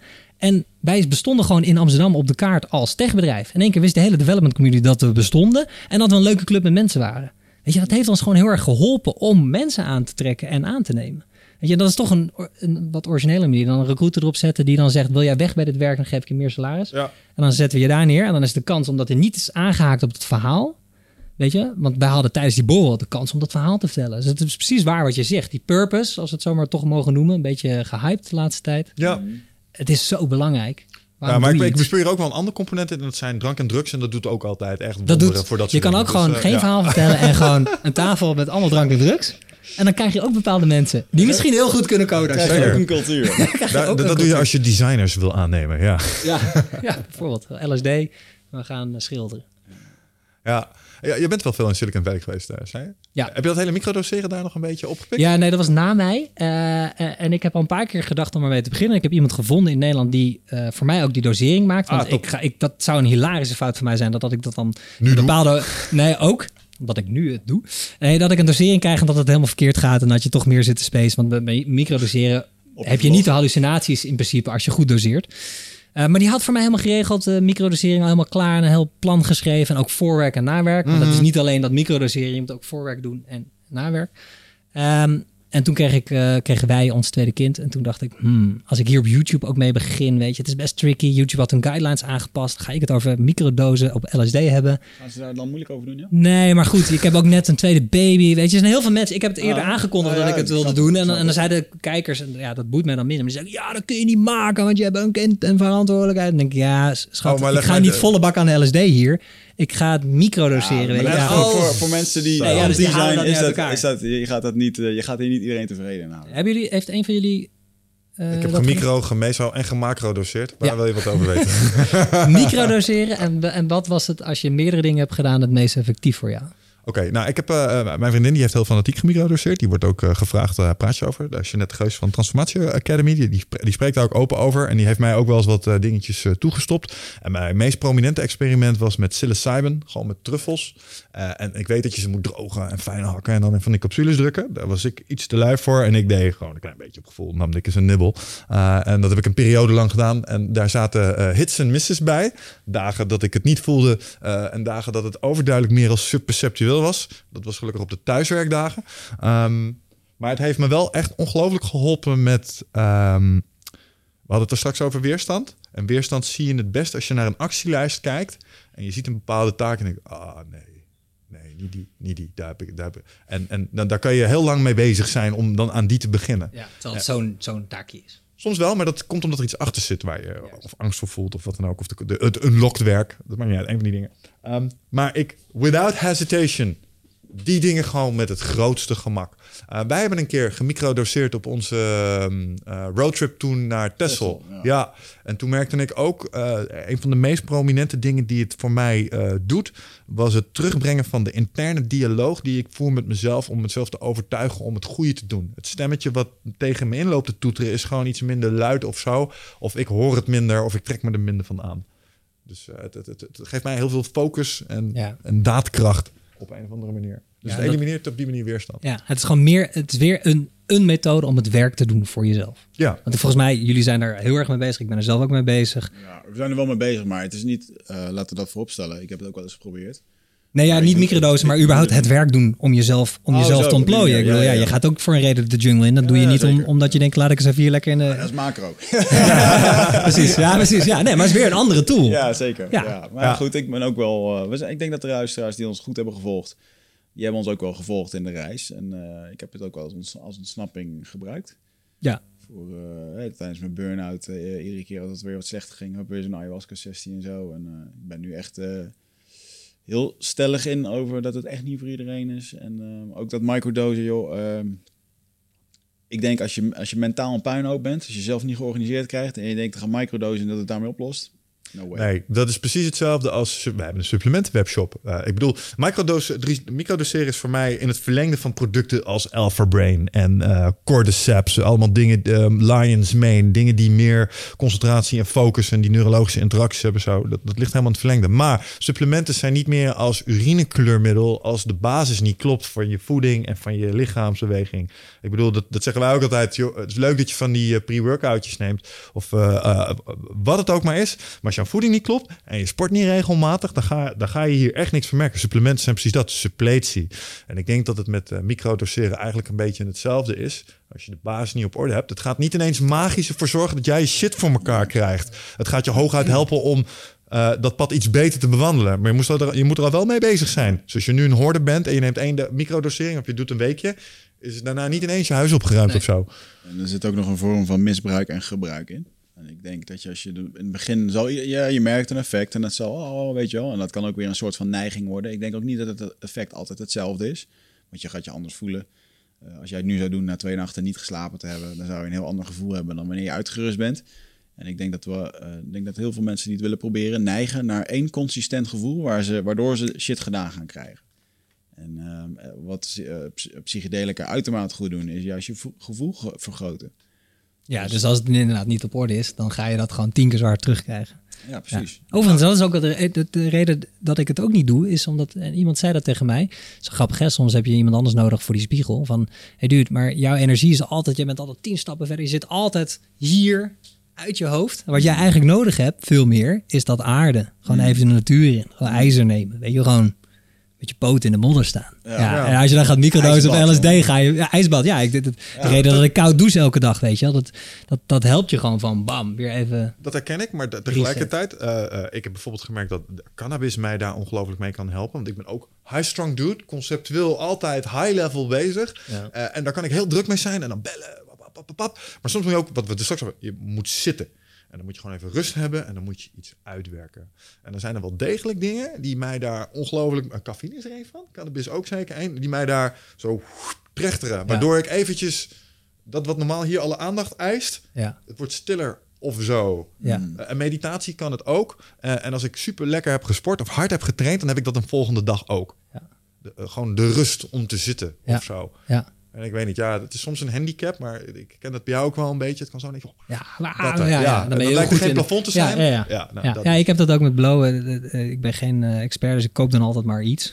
En dat gaat, weet je wel, denk ik, oh ja, dit is wel goed volgens mij. En dan gaat het toch de verkeerde kant op. Maar ik heb wel een tijd lang heb ik, moest ik spreken, weet je wel. Dan moet je spreken voor 800 mensen. Denk ik, ja, dit moet wel goed zijn. En dan ging ik blowen en dan was het echt zo... zoep.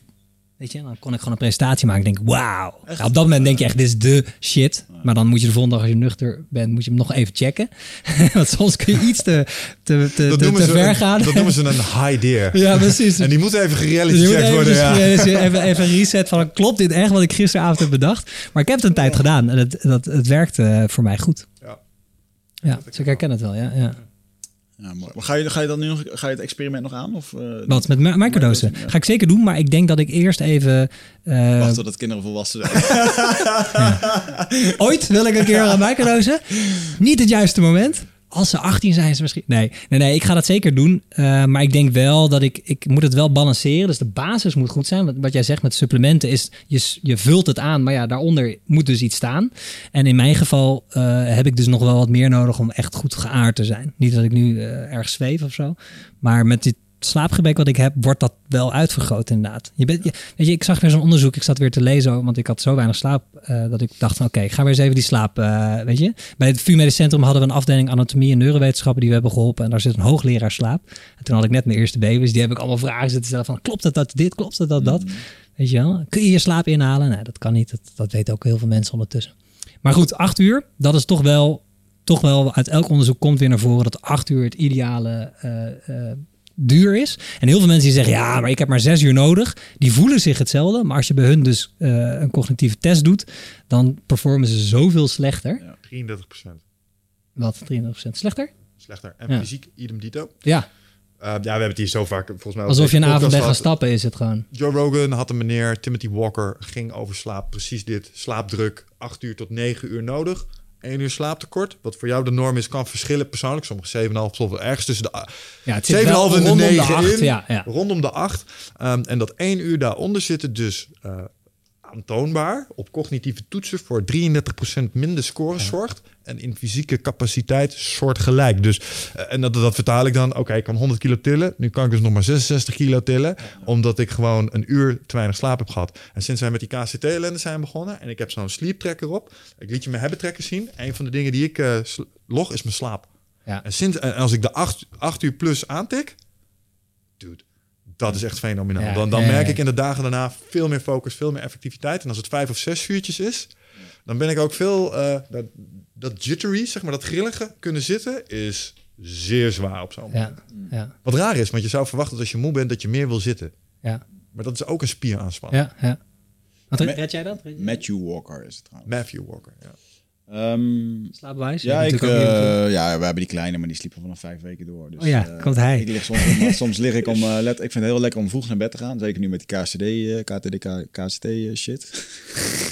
Dus ik, KFC. tegen Marieke, ik ga naar bed om 9 uur en dan lig ik gewoon echt op kank om half tien echt eh plapper ik er een paar van die CBD-druppels in en dan eh, Ben je ik weg? weg. Ja. Ehm, en ik word, om, uh, word ik soms een kwart voor acht wakker door die kleine. Dus ja, die acht uur die haal ik echt wel. Ja man, super belangrijk. En eh, ik denk ook echt dat ik... ehm, ja, ik, ik kan sowieso altijd wel langer slapen. Ik weet niet of het per se altijd hoeft. Maar eh, Het schijnt ook een optimum te zijn. Volgens mij zei Timo dat laat. Na, na negen, na Ja, negen langer uur wordt het ook niet langer beter wordt, hoor. dan gaat het ook weer naar Ja, beneden qua performance. Ja, ja, nou, dat is in ieder geval... eh, ik, ik ga er in ieder geval wel heel goed op. Ja. Ehm, maar het is voor mij altijd heel belangrijk geweest, want ik weet al heel lang dat ik niet goed tegen niet slapen kan. Ja. Wat gebeurt er bij jou? Ik, ik zeg nu oh, ja, want ik weet zelf dat ik word af en toe echt een zagrijnige oude man. Eh, nou ja, terug te kijken naar de kantoor. dat is echt een heel goed voorbeeld van eh, hoe met slapen en jezelf verkloten. Toen ik op mijn kantoor sliep, was natuurlijk in het geheim. S ochtends om zes uur stond ik op, Waarom was het in het geheim? omdat ik me schaamde. Ja. Drie mensen wisten dat ik daar sliep. En ehm, eh, uiteindelijk is het, wel, het is wel echt een heel grappige anekdote dat uiteindelijk ook iemand erachter kwam. Want we hadden glazen deuren en die waren dan op slot. En eh, op een gegeven moment, eh, toen was ik in die kamer en ik hoorde iemand binnenkomen. En ik kut, ben niet de eerste, weet je wel. Was er een keertje zo'n vroege vogel bij die zijn werk eerder wilde doen of zo. En ik stond echt wel gewoon vroeg op. Maar ja, na tien maanden maak je wel eens een keer een fout. En eh, dus ik, ik snel naar buiten. Een soort van alsof ik er al was, weet je wel. En hij zo, hey, hoe, hoe kom jij binnen? ik zo, "Eh, hoe bedoel je? Hij zo, ik heb net de deur ook weer op slot gedraaid. Omdat ik zo meteen achterin moest zitten en niet ja, kan zien wat hier gebeurt. Ik zo, ehm, Dat deed ik ook. hij zo, heb jij de sleutel? Eh, hij deed echt zo. Ik zo, ja, sorry gast. ik moet je even wat vertellen? Dus dat was wel een hele grappige. Ehm, maar, eh, en ik heb toen ook eh, het concept van eh, Hell Week. Hmm. Eh, dat is toch zo'n managementboek? Ja. Wat is dat? Ja, ja, heb ik met Sunny samen gedaan. Ja, dat Ja. heb ik toen gedaan en dat ging zo ontzettend productief. Ik denk, nou weet je, ik heb toch niks te doen hier. Ik trek dat wel even door. Eh, dus in plaats van Hell Week heb ik daar zo wat een hel eh, mand eh, van, van gemaakt. En dat uitte zich in een fysieke vorm, s ochtends met echt met hartkloppingen wakker worden. En, maar dat was misschien dan ook gewoon een stress. Maar op een gegeven moment is het ook gewoon een combinatie van alles. En ik weet nog wel dat ik op een gegeven moment echt als een happende hond uit mijn auto stond voor een bedrijf. En dat ik echt voor het eerst een paniekaanval kreeg. Eh, hyperventilatie en echt niet wist dat er aan de hand was. En fuck, ben ik ziek zo? En ook nog niet beseffen dat het overwerkt was of wat dan ook. En dat ik toen eh, naar binnen moest met mijn iMac om een pre- presentatie te geven. En dat ik dacht, ik ga nog even naar de wc. Ik naar de wc. Ik ging voor die groep staan. Ik trap af van waarom we hier zijn en wat we gaan doen. En ik voel mijn hoofd in één keer suizen. En ik denk echt, oh, ik denk, dit gaat niet goed. Ik zeg, jongens, maar voordat we verder gaan, ik ga nog even naar de wc. Na vijf minuten, ik weer naar boven. Dus die groep echt zo van, hoor. ik heb mijn handen tegen de muur aangestaan. Zo van, what the fuck is dit? En daar even een soort van tot rust gekomen. En toen, toen ben ik toch weer naar beneden gegaan. Toen ging het alweer. Maar dat was voor mij wel echt, eh, oké, ik eh, kom nu gewoon... Ik kon ook gewoon op een gegeven moment niet meer slapen. Niet goed, omdat je zo licht slaapt. En, eh, Ja, waarschijnlijk omdat je cortisol aanmaakt. Gewoon om Ja. tien uur s'avonds gewoon ja, bam. Ik zat gewoon continu de- Dus dat... ik ben ook heel benieuwd. Ik denk dat is mijn grootste uitdaging met die commandotroepen uitdaging. Eh, geen slapen en dat we dan tegen mensen tegen je gaan schreeuwen. Nou goed, in principe, ja goed. Je hebt een kind die na vijf weken al sliep. Ja, we- ja, we hebben een daar- aantal vrienden die maar- baby's krijgen. Dan zeggen, nou, na vijf weken slaapt mijn kind al. Richard en maar- Marieke zijn er. Dat wordt bij ons wel eens vergeleken thuis. Want, dan, eh, want ik was op een gegeven moment na vijf weken... Soms dan, dan sliep ze niet en dan ik kon er echt heel zagrijnig van worden. En, dat, en op een gegeven moment sliep ze dan ook en dan ging het steeds makkelijker. En dat Marieke op een gegeven moment zei van... Yo, jij loopt hier nu te klagen, maar... ehm Sorry, eh, Jorg. Die hebben dit elf maanden Ja, gehad. En toen een maand later weer opnieuw. Hoe doen ze dat, weet je wel? Ja, dan ga je er gewoon maar in mee. Op het tandvlees. Ja, het is. eh, Nou goed, het is, eh, ergens is het een soort van weerbaarheidstraining. Hè? Als je, zo zie ik het dan maar. je moet er ergens positief uithalen. Ja, ja, dat is heel belangrijk. Ja, ja, dus eh, een baby die haalt in je oor en ondertussen denk je, fuck, dit is al de derde keer dat ik wakker ben. En overdag wil je ergens nog functioneren, maar dat is bewezen dat het al iets minder goed gaat dan als je wel acht uur slaap hebt. Maar wat mij echt enorm helpt is, is eh, en hij is vaker voorbij gekomen, volgens mij ook in deze podcast, is gewoon ijskoud douchen. Dat is gewoon, het is het enige wat van mijn ochtendritueel over is gebleven. Want ik had altijd een heel mooi ochtendritueel met journaling 10 minuten, 10 minuten mediteren en, en kwartier rekken en strekken. Nou, dat, gaat gewoon, dat valt gewoon allemaal eventjes eh, weg. Maar koud douchen is gewoon iets wat, ja, is gewoon echt, dat helpt me gewoon Dat is enorm. ook het enige middel wat helpt op het moment als je... Je hebt slaapcyclussen waarbij je in die hele diepe remslaap op een gegeven Ja. moment wakker wordt. En op een gegeven moment, als je weer inslaapt, dan verkloot je dat eigenlijk. Ja. En dan, eh, je brein is, kan nog steeds in remslaap zijn, terwijl jij nogal misschien al een uur wakker bent. Ja, Eh, dat, die koude douche is het enige wat je daaruit haalt. Ja. Er moet een fysieke eh, component aankomen om je lichaam even te Ja. schakelen. Ja. En als je het hebt over weerbaarheidstraining. Ik, bedoel, ik ben heel erg fan van de resultaten van een koude douche. Maar de koude douche zelf is natuurlijk niemand fan van. Elke ochtend denk ik weer, kom je je warme bed uit, loop je naar de douche, denk je, fuck. Ik heb hier echt geen zin in. Nu in de winter is het water, of nu is het herfst, maar het water wordt echt, echt Ja. koud nu. En dan elke keer toch wel doen, is toch wel weer gewoon ook gewoon mentaal van, oké, je hebt die eerste moeilijke beslissing van vandaag heb je alweer gehad. Ik heb het een paar keer geprobeerd en twee weken geleden weer in een ijsbad gezeten. Dat doe ik dan wel met gemak. Maar om er nou voor mijn plezier in te gaan, Hmm. Ja, je doet het niet voor je plezier. Freeze Lab ben ik ook een paar keer heen geweest. Ja. Supergoed voor blessures, spierpijn, dat Ja. soort dingen. Maar eh, het is geen uh, Wigert Meerman routine. Nee, ja, ik, ik weet nog dat ik het... Ik heb een businesspartner, dus die... Ik, ik was heel trots dat ik in ongeveer anderhalf jaar lang... eh, begon met warm douchen en eindigde twee minuten met koud. Hmm. Dacht ik, ah, weet je, ik ben er.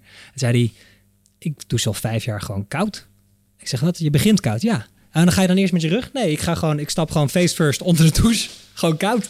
En toen dacht ik echt, oké. Oké. Er is ja. altijd wel Ja, iemand die meer next level is, weet je. Er zijn altijd levels. Oh, de levels. Fuck, ik ben nog helemaal niet zo ver. En eh, heb je de andere kant van eh, het eh, temperatuurspectrum ook wel eens verkend voor persoonlijke performance? Ja, sauna. Ja, dat doe ik best wel vaak. Ja, ik probeer dat. Ik zou dat veel vaker moeten doen. Ja. Maar altijd als ik het doe, dan voel ik me daarna zo ongelooflijk veel beter. En ik wist eerst niet zo goed hoe dat kwam, totdat ik een paar podcasts daarover heb geluisterd met een Rhonda Patrick. Eh, die vertelt helemaal hoe dat zit, wat er gebeurt als je lichaam een soort hitteschok krijgt. Ja. Dan gaat het proteïnes aanmaken, bepaalde eh, hoe heet dat, eh, ja, biochemische dingen aanzetten. En die zijn echt super gunstig voor je.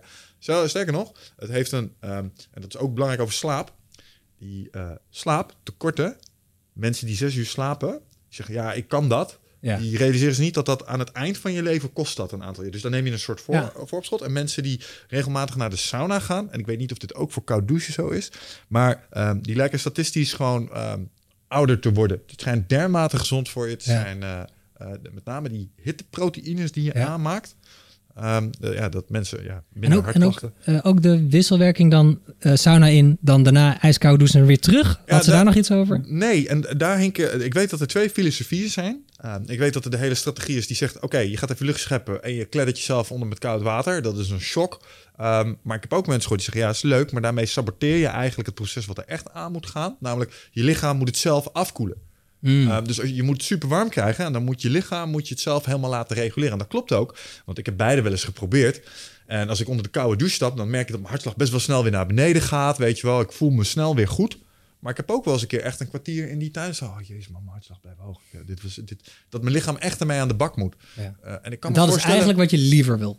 Ik denk dat daar dat proces Zeg- zeg meer zijn ding doet. Dat weet Ja. ik niet 100% zeker. Maar ik weet wel dat je die twee stromingen er een beetje in hebt. Ja. Nou ja, als die sauna kan, eh, bij mijn sportschool zit een goede sauna, dan probeer ik hem wel te pakken. Dat is wel echt.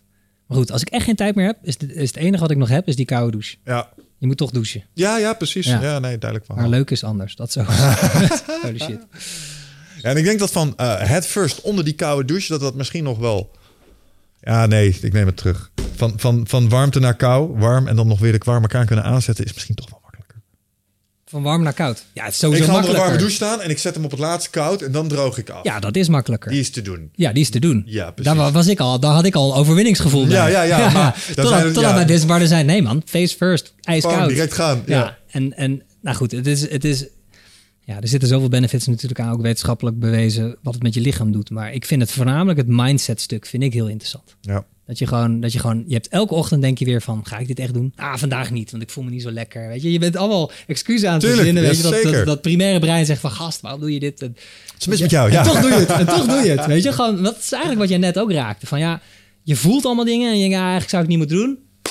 Maar we gaan het gewoon wel gaan Het doen. gaan. Ja. En dan kom je daarna eruit en denk je, holy shit, ik heb gewoon ja. echt Nou, wel een, een overwinning op deze dag. Maar, maar dat stemmetje, zeg maar, dat jou ervan probeert te overtuigen om het, eh, eh, om het niet te doen, dat is dat weerstandfenomeen waar we het eerder over hadden.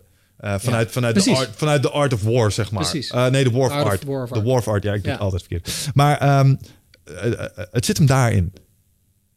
Dus er zal altijd een stemmetje zijn dat, dat in je oor fluistert. Je hoeft niet onder die koude douche te gaan staan. je hoeft niet te gaan vloggen. Nee joh. Nee, Je bent, je bent al zo goed bezig. Ja, ja. Klanten genoeg. Denken die niet van je? 50 video's die hier staan, die gaan ook nog wel een tijdje mee. Consistentie is overrated. Weet je wel, dat. Dat, dat, dat is gewoon een ding. En, en op het moment dat je dat leert herkennen als het stemmetje wat het is, namelijk iemand die je eh, niet het beste met je voor heeft, dan kun je je middelvinger er tegen opsteken en dan kun je het toch doen. En dat is Ja. eigenlijk wat jij elke ochtend doet. Ja, En je daarmee- en- en- jezelf. Ja, en daarmee leert dat ding meteen, ah, ik kan maar beter terug mijn hok in gaan, want het wordt zo'n dag. Hier staat al aan. Uh, multitasken, nou moet ik even... Kom ik ook nog even voor, narcistiek ben. Ik was. Ik Ondertussen was er dit is het leven van de YouTuber, jongens. Ja, Dit is is wel gewoon weer nieuw niveau Dit is het leven van de Dit is YouTuber, het leven jongens. van de YouTuber. Ondertussen zitten in de Ik zit dus heel vaak in een gesprek dat ik denk, oh kut, nu moet ik even die camera erbij Ja. pakken. Maar bij klanten denk ik, Oh. ja, dat, dat, dat is lastig. Ik, eh, krijg je nou zo'n effect dat je jezelf filmt terwijl je jezelf filmt, terwijl je jezelf filmt? Ja. Jij, jij en ik hebben dezelfde neigingen, want ik heb dat net ook gedaan. Kijk, waar, waar je mee omgaat, raak je mee besmet. Je bent het gemiddelde van de zeven mensen waar het mee mee omgaat. Mooie anekdote die ik laatst hoorde. eh, een metafoor. Edwin Selij moet ik hiervoor eh, bedanken. Eh, als je een komkommer bent en ik stop je in een pot augurken, dan word je vanzelf een augurk.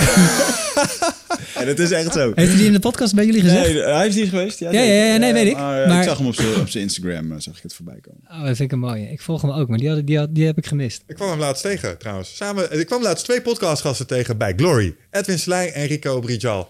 Stonden we eventjes eh, te kletsen met z'n allen. Laatst waren- het zijn ja. twee mooie shows, twee mooie afleveringen. Ja, dat waren inderdaad ja. twee leuke afleveringen. Ja, jij bent al een van de fanatieke luisteraars ook, hè? Ik heb Ja, ik weet, mooi- nog, ik- weet je hoe ik eh, Edwin Selij dan weer ken? Die hypnose kan. Ja, dat is of niet wil je, wat wilde je Ja, vertellen? Nee, dat is het verhaal van die taxi, toch? Ja, ja, ik stapte een tak, ik stapte een Uber in en eh, ik ga zo zitten en ik hoor jullie praten, maar ik herkende jullie stemmen niet direct. Dus, Ja. maar ik ben, ik, overal waar ik kom vraag ik aan mensen, want het is natuurlijk nu een hele hype. Iedereen luistert podcasts, dus ik vraag altijd wat luister je, weet je? wel? En dan nieuwe tips pak ik dan op en ik ben een beetje aan het indexeren wie luistert wat. Eindbaas is natuurlijk het meest genoemd, maar in dit geval was het toevallig ook echt de Eindbaas podcast. Dus ik ging zitten en ik zeg, joh, wat luister je podcast? Ja, ik luister podcast. eh, wat luister je veel? Nou, wat vandaag opstaat, Eindbaas. Oh, want ik hoorde Edwin Slij praten. Dus Ja, ja, ja, ja. ik- als eerste, weet je. Dus ik zeg, wat, waar gaat dit dan over? Wat is dit, eh, wat is dit voor aflevering? Ja, hypnosekoning, dit en dat. Ik wat vet. Dus ik maakte een foto op Instagram. Zo van, hey, steek even je duim omhoog, weet je. En die stuur ik door naar Wigert, weet je wel. Of niet eens op Instagram. Ik stuur hem op iMessage of zo. En Wigert zo, oh, vet. Dus Wigert de duim terugsturen. Ja, tax weer, oh, vet, weet je. Je kent die gasten. Ja, ja, ja. En toen had ik dat toch op Instagram gedeeld. En toen had jij Edwin Selij getagd. Dus Edwin Selij ging mij weer volgen. Ja. En drie maanden later zat ik bij Edwin Selij om eh, onder hypnose te gaan. Weet je wel? Zo, ja, ik vind het weer mooi hoe dat dan eh, gaat.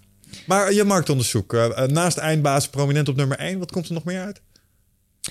Podcastgewijs? Ehm, kan ik er nog een paar Wilde. Haren, die Ja? ik zelf niet echt luister. Ehm eh Youssef en J, populair. Je, had, je hebt een podcast van, volgens mij van de VPRO over die dame die naar IS is gegaan met haar kind, met haar man en terug is gekomen. Hoe heet ze? Le- Laura? Maar is dat dan van die mevrouw of gewoon het verhaal? Nee, nee, dat is het verhaal. Eh, je hebt ook nog een hele mooie serie. Dat is wel mooi. Ik zit het over tussen, tussen sprongetje. Dat zit ik voor mijn eigen boek ook te denken. Om gewoon een eigen podcastserie over dat boek. Dan maak je gewoon een keer twintig afleveringen. En dat staat dan altijd online. En dat is Ja, Of, of een hoofdstuk. Je maakt een soort audioboek van. ja. ja. Doet David Allen ook. En die improviseert ook hele stukken. Ja. Is niet één op één hetzelfde. Ah, nee, ja, nee, dat Ja. kan hoor. Ja, ja, ja. Ja, ja, en precies wat je zegt. Ik vind dit ook weer een mooie. Eh, veel mensen denken ook weer bij content maken, ah, het moet perfect. En, maar joh, wij, zijn, wij willen ook graag heel veel content luisteren. Weet je, die mensen die ik vraag van wat, wat voor podcast, het is er nooit één. Ze zijn er altijd met, met, met vijf, maar dan pakken ze een telefoon. Maar ja, daar ben ik ook op geabonneerd. Maar, maar weet je, ze hebben altijd zoveel verschillende dingen die mensen luisteren. Mhm. Weet je dat ik denk ook met content maken. Gewoon, joh, maak het nou niet perfect. Weet je, als jij een podcast ernaast wil maken, gewoon doen. En ja. Zo, het, is- ja, het is allemaal zo, het is veel vrijblijvender, weet je wel. Ik leerde dit Ja. in de dagen van Mixfight en Fight Talk al. Mensen die shoppen altijd bij meerdere winkeltjes als het gaat om de content waar ze echt op uit zijn. Ja. Want je vindt overal wel net even een andere invalshoek. En ik heb hetzelfde soort interview met dezelfde soort gast bij vier verschillende podcasts geluisterd. En het gaat allemaal over hetzelfde, maar toch zit er in elke podcast net weer even iets anders. Ja, Bijvoorbeeld je- Jordan Peterson bij Joe, Jocko of bij Sam. Ja. Hetzelfde gast, andere gesprekspartners. Mm, Zelfde boodschap grofweg, andere voorbeelden en toch vind ik het leuk. Ja. ja, en dan omdat je gewoon connect met die gast en dan wil je gewoon meer van hem horen. Ja. Wat Ja. luister je zelf nog? Eh, NPR How It Built Is is de allereerste podcast die ik weer ben gaan luisteren. En dat vond ik echt heel vet. Het gaat dus over het verhaal achter ondernemingen zoals Ben Jerry's. Hoe Vice is gestart. Zo'n gast die, die Vice die oprichtte, die Indiaanse of Pakistaanse gast. Die was in Canada verslaafd aan heroïne. Moest zichzelf bezighouden. En was aan het afkicken. En toen begon die magazine wat Voice heette. Maar er was al iets in Canada of Toronto waar die zat. Wat zo heette. Dus heeft hij die O eruit gehaald. Werd het Vice. En dan komt hij zijn businesspartner onder de LSD tegen in een restaurant. Dat soort Dat is verhalen. die, eh, hoe heet die? Die grote gast die altijd bij Joe is ook, toch? Ja. Of zo, nog wat ja? Shane. Shane, ja. Shane Smith, Ja, ja, ja, ja, die ja, zat ja. dus gewoon in een sushi-restaurant onder de LSD. En die had binnen een kwartier gezegd: Wij moeten samen dit verder uitbouwen. en ik ga het wel verkopen voor je. En eh, ja, dat is, Die Shane Smith vind ik echt een fucking eindbaas. Dus echt wat de content die hij maakt en eh, hoe hij over beslist. En dat hij op een gegeven moment ook echt gewoon eerlijk kan zijn. Dat hij, ik geloof, die is ik geloof goed voor 400 miljoen of zo. ja, die zijn wel. echt- Dat hij echt zegt, hij zegt, jongen, soms dan, dan zie ik dingen voorbij komen op mijn Facebook. En dan denk ik, oh, hebben wij dit gemaakt? Zo slecht, weet je wel. En ik heb er geen invloed meer op. Het is gewoon te groot geworden om me daar nog druk over te maken. En, uh, en de series die hij maakt van, voor HBO had hij die volgens mij gemaakt. Waar Vice echt op zoek ging naar van die brandhaarden in de Ja. wereld. Ja, dat is echt wel gewoon... Echt heel eh, goed. Of dat hij naar, eh, naar Noord-Korea gaat. Ja. Dat hij daar de derde keer dat zich naar binnen heeft gebluft door een NBA of een basketbaltoernooi te organiseren met Dennis Rodman. gedaan? Toen kon hij weer naar binnen. Ja. Maar dat is wel ballen hoor, want ze hebben hem naar de tweede keer geloof ik gewoon eruit gegooid gezegd, kom, kom gewoon niet meer terug. En dan gaat hij gewoon een derde keer gaat hij dat bedenken. Ja, dat is Ben je echt ook wel een eh, baas. dan, dan ben je echt wel met je leven aan het spelen. Ja, ook dat. ook Zeker in die- dat soort landen. Ja. Zeker in dat soort landen. Ja. die, eh, ik weet nog, want heel vroeger was het alleen een beetje online. Gingen ze een AK-47 kopen in, in, eh, in Libië op de markt of zo. En op een gegeven moment, nou, dat lukte dan. En op een gegeven moment stonden er echt 300 van die, van die Libiërs eromheen. Die stonden zo van, wat doen die twee blanken hier, Ja. weet je wel? En- dan- en Amerikanen, zo, weet je wel, ja. Um, we really need to go now. weet je wel? Ja. Ja, dat wordt gevaarlijk, man. Op ja. een gegeven moment, dat is wat eh, hij het liefst nog steeds doet hè. Allebei die gasten zijn nog steeds content aan het maken. Ja, Ongeacht of ze, dat ze 500 miljoen waard zijn. Ja, ja, dat is vet. interessant ja. Maar NPR, NPR houdt het beeld? Eh How I Built This. NPR How I Built This, dus verhaal achter Vice, eh, Kate Spade, eh, Ben Jerry's. En ik moet zeggen, dus ik ben ook altijd aan het denken van, hoe, hoe, ik vind het knap, hè? ook met jullie. Je maakt een podcast, er zit geen beeld bij. Ik heb beeld, dus dan kun je nog best wel veel doen met editen en leuk muziekje en dan zie je nog wat. Nu is het alleen audio. En dat is dan toch ook altijd weer eh, goed of uitdagend hoe je mensen erbij houdt qua luisteren. En ik vind dat NPR How This dat ook heel mooi doet. Die eh, doen heel veel met muziek en dan komt dan heel langzaam op en dan denk je, hey, ik ben naar dit aan het luisteren, maar ik hoor ook een beat. Is dit buiten? Dan doe je Oh nee, het is in die, in die, in die podcast zitten. Ja. Oh, wat grappig. En dan hebben ze weer muziekje uitgekozen wat heel erg past bij het onderwerp. Maar goed. Wickert gaat nu meteen de mixer aanzetten. ja, Ah, bam, beat erin. Ja. Nou ja, ik- dat is wel een, een, van mijn favorieten. Interessant, ja. Ja, daar zat ik me laatst over te verbazen, jongen. Ehm, ik had, eh, voordat ik het in de gaten had, ik zit best vaak in de auto. Ik had een, eh, een podcast op van vijf en een half uur. Jo Jocko Willink, samen met Ja. andere veteraan. Ja, vet. Het vloog voorbij, jongen. En toen zat ik dus ook, ik heb hier gewoon vijf en een half uur Ja. gewoon Echt gefascineerd naar zitten. Ja, Ja. ja. één podcast, vijf en een half uur. Geniaal. Ja. Mooi verhalen, echt een puntje van mijn stoel. Dat, dat, ik, dat ik moest stoppen. En ik dacht, kut. Ja. Maar dat is het ook. Met als je goede content hebt, kun je eindeloos blijven kijken. Met Vice, die docu's. Ja, geef me meer, geef me meer, weet je. Het is zo vet. Weet je, je steekt er wat van op. Het is gewoon goed amusement. En Als iemand dat heeft, ja, te gek. Ik volg hem op Twitter. Dan stuurt hij elke ochtend een eh, foto van zijn horloge. dat deze man die- vijf uur dat- 's dat ochtends opstaat. Dan staat er... Die doet niet dan acht uur slaap. Maar ik weet niet hoe laat Nee, nee, hij naar nee. bed Hij gaat volgens mij wel eerder naar bed. Ja, ik weet niet hoe laat hij hier naar bed gaat. Nee, maar het is ook wel Goed, misschien dat hij iets minder lang leeft. Ja, dat ik heb toch van drie, jaar af, af van ja, zijn leven is. Ja, ja, ja. Aan de andere kant, hij eet niet heel slecht en hij traint veel. Dus daar krijg je er ook weer een paar voor terug. Als Hij evened out. En jij, wat luister jij tegenwoordig? Eh, niks, ik ben echt op een dieet. Oh. Geen eh podcast informatie. En, eh, ik, ehm, Je mist een paar hele mooie Joe's momenteel. Ze zijn weer helemaal into de UFO-business. oh ja, die, van, met die, die, nou, die heb ik dan wel nog geluisterd. Oké, gelukkig. Die, nou, dat is ook een maand geleden weer dat ik hier zat, weet je wel. Dat, dat, eh, Maar waarom ben je op een dieet? eh, mijn boek moet af. Oh ja. En ik ben, eh, ik ben heel gevoelig voor consuming. Dus ehm, dan maar even gewoon niet. Eh, eigenlijk moeten er twee dingen gedaan worden. Het boek moet gedaan worden en er moet sales gedaan worden. Dat is op dit moment de hoogste prioriteit. En, eh, ik kom er toch meer en meer achter dat... eh, ik kijk heel graag bijvoorbeeld naar Matt Davella. Dat is zo'n minimalistische YouTuber. Vind ik heel Ja. tof. Wat die, maar meer uit videografisch oogpunt. Ik heb wel toevallig gisteren nog eens een keertje mijn doelen opnieuw opgeschreven. En een van de doelen is om volgend jaar wil ik eh 50 eh, mooie video's lanceren. En dat zou ook wel omtrent met mijn boek zijn en zo. In januari hoop ik een cameraman mee te nemen naar de jungle. En dan eh, ja, wil, wil ik toch ook weer wat toffe videocontent. Want het, het, spreekt zoveel meer. Ja. Gewoon een toffe video van drie minuten waarin een goed verhaal vertel. Ja, dan weet ik gewoon zeker dat, dat ik daar eh, een x-aantal van viraal kan laten gaan. Of in ieder geval eh, bij mensen in het achterhoofd kan Ja. blijven hangen. Ja. Dus dan Ja. zou het een beetje van die Jay Shetty-achtige filmpjes worden, weet Ja. je wel?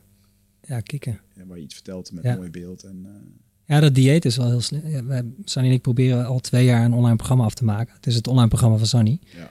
Ehm, we hebben nu wel in ieder geval een titel, maar we zijn nog steeds bezig met dat schrijven. We zijn er bijna en natuurlijk komen twee baby's tussendoor, maar ehm, ehm, Minor een minor inconvenience, eh, waardoor je, eh, waardoor je ja, er niet aan toe komt. Maar inderdaad, dit, ik ben ook wel vatbaar voor. Oké, dan ga ik acht uur s'avonds op de bank zitten. Ik wil om negen uur naar bed, dus ik heb een uur. En soms ga ik dan wel aan dat programma werken. Ja, dat is dan wel weer werken. En dat vind ik dan lastig, want, dan, dat, dat dan ook weer met je slaap. Of ga ik nu een uurtje Netflixen? Het liefste wil ik gewoon, ja, dat, ik heb ook doelen gesteld. En een van die dingen is dat het online programma moet af. Ja. Maar daar moet je dan weer even terug naar eh, wat je misschien daar straks zei. Want ik heb ook een online programma gemaakt. En eh, daar heb ik heel bewust voor gekozen om niet van die hele mooie cinematografische filmpjes. Wat ik heb Nee. gedaan. Dus ik heb sheets gemaakt. En ik heb het scherm opgenomen. Toen ben ik achter een microfoon gezet. En toen heb ik bij die sheets het hele verhaal bij elkaar geluld. En als ik het niet had gedaan, was het nooit afgekomen. Klopt. Nee, perfectionisme is daarin echt Oh, een van de worst enemies. Ja. Ja, we hebben er thuis zijn we begonnen, maar we hebben enkel glas. Het is een monumentaal pand waar we in wonen in Amsterdam. En dus elke brommer die voorbij komt, die hoor je qua audio.